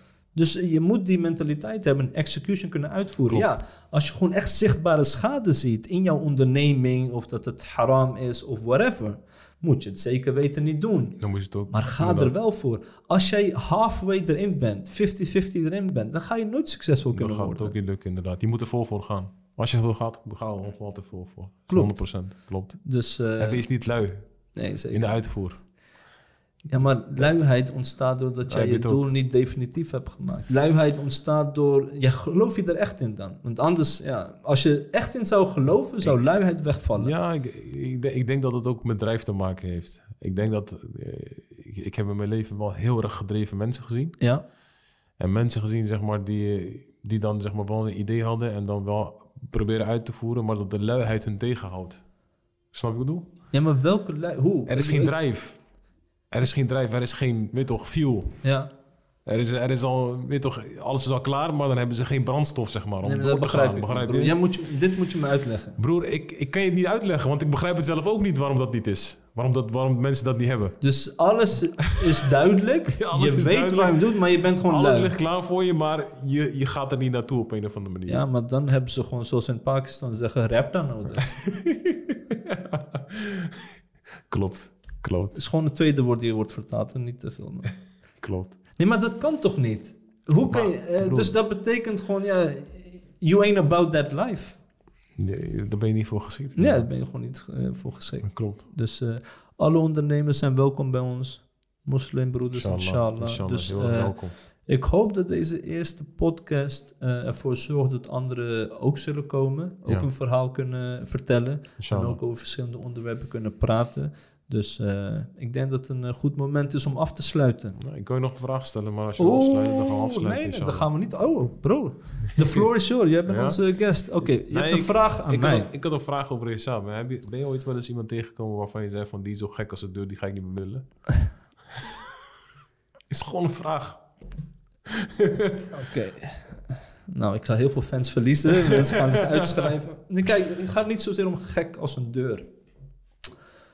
Laat ik een correcte antwoord geven. Ja. Even niet mezelf zijn. Ja.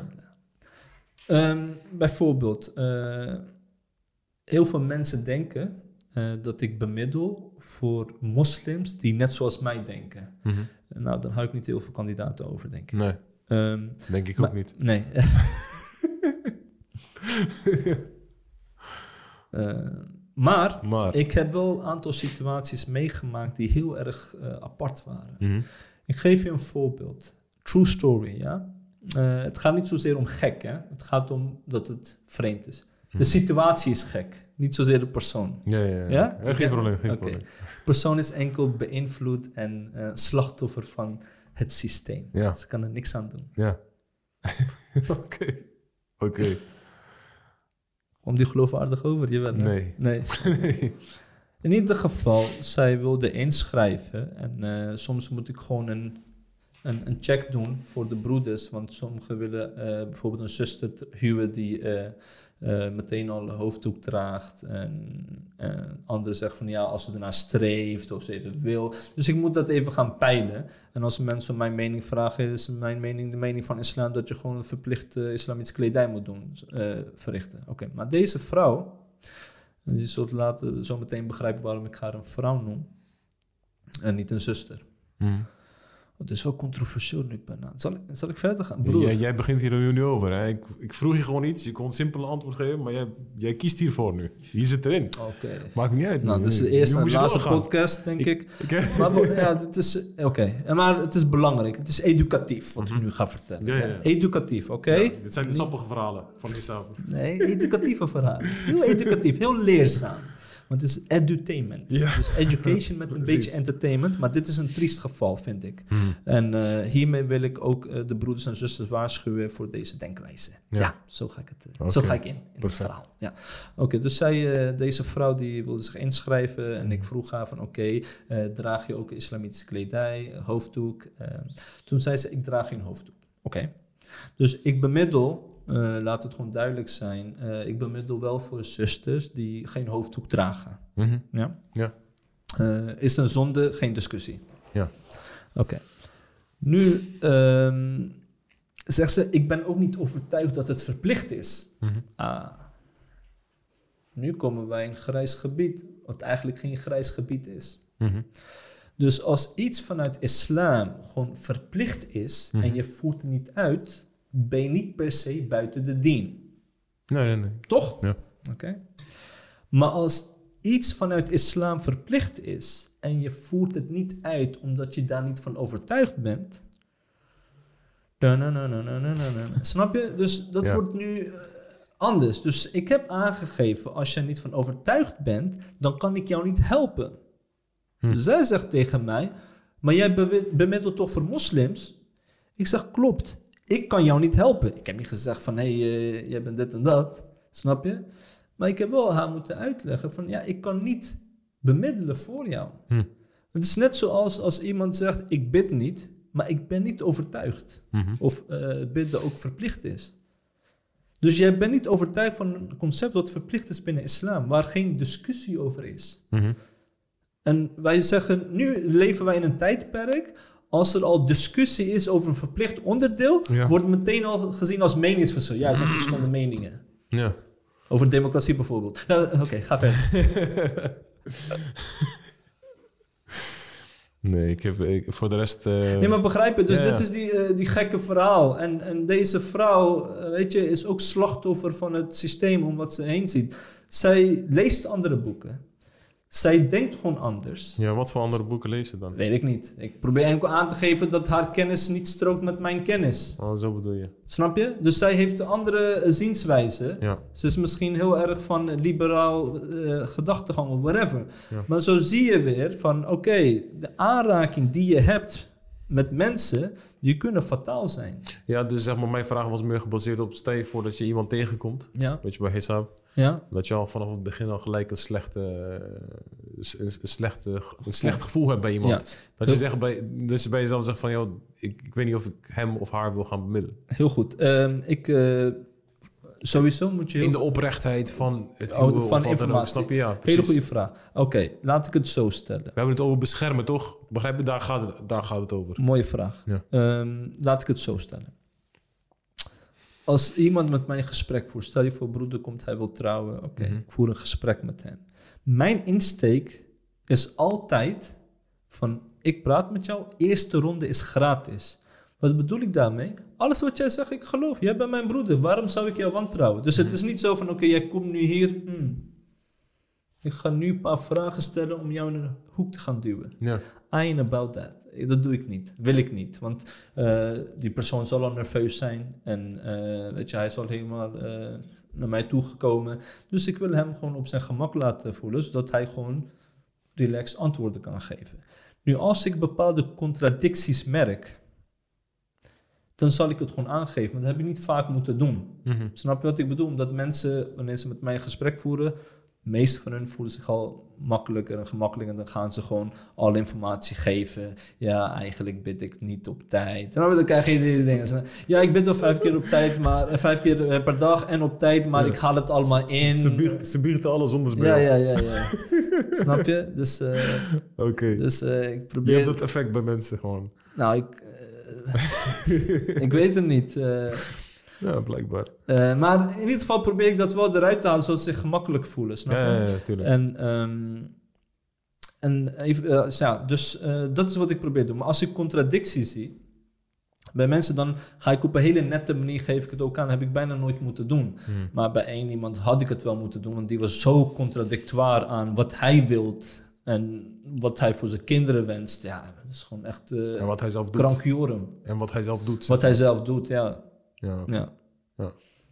Gelukkig vraag je niet door over die vrouw. Nee, dus eh, nee, nee. we gaan weer verder. Eh, dus ja, dan zeg ik bijvoorbeeld, ik had laatst een, een broeder, ehm, had ik geweigerd om, eh, om een reden die ik niet vaak gebruik. Maar die gebruik ik nu wel vaker in de toekomst. Begrijp je wat ik bedoel? Mhm. Dus voorheen gebruikte ik dat niet als reden. Als ik bijvoorbeeld bij iemand zie dat hij zo optimistisch en enthousiast is en dat hij wilt gaan trouwen, dat hij een bepaalde drang heeft, en dat- zodat ik niet, bijna niet kan opereren, dat hij echt binnen een maand moet gaan trouwen, dan zeg ik tegen hem, ik weet niet of eh, jij geschikt bent als kandidaat voor Hisab. Ik zeg niet dat jij ongeschikt bent als een partner. Ik geef een voorbeeld. Eh, sommige broeders, wanneer ze moeten worden voorgesteld aan een zuster, het kan zijn dat de zuster twee, drie dagen over doet om te reageren. Maar een broeder kan dat niet begrijpen. Ja, je hebt toch een mail gestuurd, Bilal, naar haar? Ja, waarom is ze niet gereageerd? Ik zeg, hey, rustig. Ja, nee. Rustig aan. Ja, dat zeg maar, kan toch niet? Je krijgt toch een mail, je leest, ja of nee? Dus, dus die, de mensen die heel veel haast hebben, die wijs je eigenlijk een beetje de deur. Nee, iedereen heeft een bepaalde mate van haast. Dat gaat om hoe je ermee omgaat. Ja, ja, precies. Ik Ik bedoel, als ik van jou elke dag een app ga krijgen van Achie, en heb je al wat? Ik zeg, Achie, ik neem contact met jou Ja, op. Ik zal niet schromen om een kans... eh, Weet je, ik laat geen kans onbenut. Ja, precies. Ik zal niet schromen om jou te contacteren. Ja, En ik kan ergens die haast wel begrijpen. ja tuurlijk. Ja, Tuurlijk. Sommige mensen kunnen haast hebben. Ja, maar... maar die haast... hoef je- begrijpen. Ik bedoel, van, als ik niet getrouwd was, zou ik ook echt haast hebben, broer. Ja, dus daarom zal ik het never nooit aannemen. maar moet je ook Want ik heb die ervaring met mensen. nee, dat is een intikkertje. Maar eh on a serious note, eh, dus ik eh, kijk ook naar de karaktereigenschappen van mensen nu. Veel vaak van... En eigenlijk is dat ook een onderdeel van fiqh, hè? Mhm. Want eh, de ahnaf... Prachtig fiqh. Ja. De ahnaf, zij geven ook aan dat eh, je een man kunt beoordelen of het, eh, of het trouw voor hem verplicht, of aangeraden, of optioneel, of verboden zelfs, of afgeraden is. En een van de onderdeel wat je eigenlijk niet kunt eh, meten per se, Mhm. maar je kunt het wel beoordelen, is van oké, zal hij onrechtvaardig zijn in het huwelijk of niet? Mhm. Ja, oké. Ik koppel, zo- ik doe geen ijtihad, niet, eh, weet je, dus uh, bekritiseer mij niet daarop eh, of mensen later als de podcast wordt uitgezonden. En ik vind mensen of mannen Mhm. of vrouwen ook, die zo haastig zijn, Ja. dat ze telkens zeggen van ja, ik ben nog steeds niet voorgesteld, wat is dat, dit en dat, en ik ben maar twee keer voorgesteld of whatever, weet je, dan, dan, dan begrijp je het even niet. Met alle respect. Als ik geen geschikte kandidaat voor jou heb, Mhm. op basis van jouw voorkeur en eisen, wat moet ik dan doen? Jou bellen, jou e-mailen? Hm. Ik heb het gewoon niet. Mhm. Dus jij schrijft je in op basis van vertrouwen. Jij schrijft je in op basis van dat je waarschijnlijk hele goede recommendations en reviews hebt gehoord en vernomen. Op basis daarvan doe je. Je schrijft je in en je vertrouwt ons gewoon erop. Ja, je mag vragen waarom, waarom je niet aan die en die persoon wordt voorgesteld. Dat mag, dat begrijp ik ook. Dat zou ik ook doen. Van hé, die staat er al zo lang. eh, volgens mij, die samenvatting komt overeen met wat ik wil. Dat begrijp ik. Maar haastig spoed, zelden goed hanteer ik nu wel. Dus mensen die te opdringerig zijn, nee, sorry. Of bedoel je dan zeg maar te zeggen dat ze onrealistische verwachtingen hebben? Nee, ze mogen, nee, ze hebben realistische verwachtingen van Mhm. een huwelijk. Ze kunnen heel goed gedragen in een huwelijk. Maar het proces naar ik moet nu iemand ontmoeten of zij reageert maar niet. En dat is slecht en ik ga weer verder. Heel veel mensen Mhm. trekken conclusies. Want als je haast hebt, dan word je ook wantrouwend naar mij toe. Ja. En één ding wat heel erg noodzakelijk is om met mij samen te werken, zodat die persoon kan trouwen, is vertrouwen. Ja. ja. Hoe doe je trouwens met de broeders die bijvoorbeeld eh, willen trouwen? Ja? Maar die bijvoorbeeld eh, zo'n haast hebben of wat dan ook. Die willen heel snel een zuster hebben of wat dan ook. En eh, hoe check je ze, zeg maar? Hoe, hoe, wat is jouw verificatieprocedure? Dat vraag ik me af. Weinig, weinig verificatie. En ik zal je vertellen waarom. Ja. Omdat, omdat anders ben ik gewoon fulltime bezig. Ja, ik Dus- bedoel, met de- uiteindelijk ben je in het proces dat ze misschien gaan trouwen. Ja. je, hebt, je hebt de koppel gevonden. En Ja. dan waarschijnlijk komen de ouders ook ergens aan bod. 100 procent. Toch? Ja? En dan zijn die ouders van die jongen erbij en, Ja. wij- en, en de vrouw? Ja? Ja? Nou, s- eh, sowieso moet de mahram aanwezig zijn als ze bij elkaar spreken. Oké. Dus dat is 100% het geval. Ehm, dus jouw vraag specifiek is? Ja, mijn vraag is alleen van wanneer, of de ouders ook op een gegeven moment erbij worden Nee, betrokken. het is niet op een gegeven moment. Dat is het punt. Oké, dat is gelijk vanaf het begin. Kijk, eh, wij werken conform de kaders van islam. Mhm. Eh, natuurlijk zijn er bepaalde meningen die anders zijn dan andere meningen. Maar wij zijn juist, eh, ik heb deze organisatie juist in het leven geroepen om de islamitische kaders weer terug te brengen.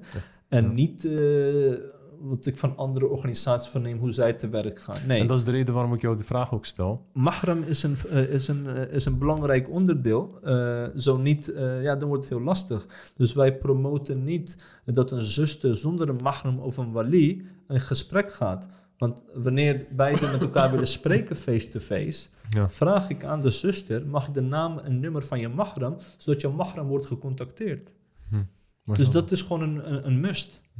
Eh, daar ben ik mee eens. Ja, ik en, ben het helemaal mee eens. en natuurlijk... eh, maar het is gewoon handig om te weten voor de kijkers thuis ook. zeer zeker. Nee, Als maar- iemand misschien met het idee zit van misschien is het wel wat voor mij, weet je dan. Nee, eh, nee, nee. Degene die eh, een mahram-vrije omgang willen hebben, die piraten, die vis ik er zo uit. Mhm. Oké, perfect. Perfect. Ik vind dat je echt een leuke vragen stelt. Go on. Nee, dat waren een beetje zomae vragen, man, broer. Nee, Over Hesab, dat was het. Over Hesab was dat het wel een beetje. Ik was benieuwd naar Oké. eh, hoe dat proces een beetje eruit ziet. Ja. Ik heb mezelf nog niet ingeschreven, weet je. Dus ik wil wel weten hoe het proces- eruit ziet, dat ik mezelf inschrijf. Jij bent toch niet die piraat, man? nee, dat niet, dat niet. Dat niet. Nee, kijk, eh, het is ook moeilijk hè, voor mensen om in te schrijven bij Hesab. Ja. Sommigen schrijven zich gemakkelijk in, anderen vinden het heel, heel zwaar. Ja? Hoezo? En, Waarom eh, vinden ze dat nou ja, een bepaalde schaamte of ego. Eh, schaamte kan ik voorstellen. Ik, ik zit soms ook na te denken. en Dat is een hele slechte publishing of eh, promotie voor. Ja, waarom zou ik mij inschrijven als ik niet getrouwd was? Nou, waarom kan niet? Snap je? Maar op een gegeven moment moet je toch een keuze gaan maken in jouw leven. Ja. En ik denk dat dit gewoon een normale manier zal zijn op den duur. Dat Hmm. iedereen zich gewoon zal inschrijven. En eh, me- nou, iedereen, gewoon de meesten zich zullen inschrijven. Zoals in Engeland ook daaraan toe gaat. Want ja, op een gegeven moment, jij bereikt een leeftijd en je bent niet getrouwd en eh, het knaagt ook aan je en je wordt ook niet geholpen. Ja, voor hun is dit natuurlijk een, een perfecte, eh, ja, geeft het gewoon een perfecte oplossing, denk ik. Ja.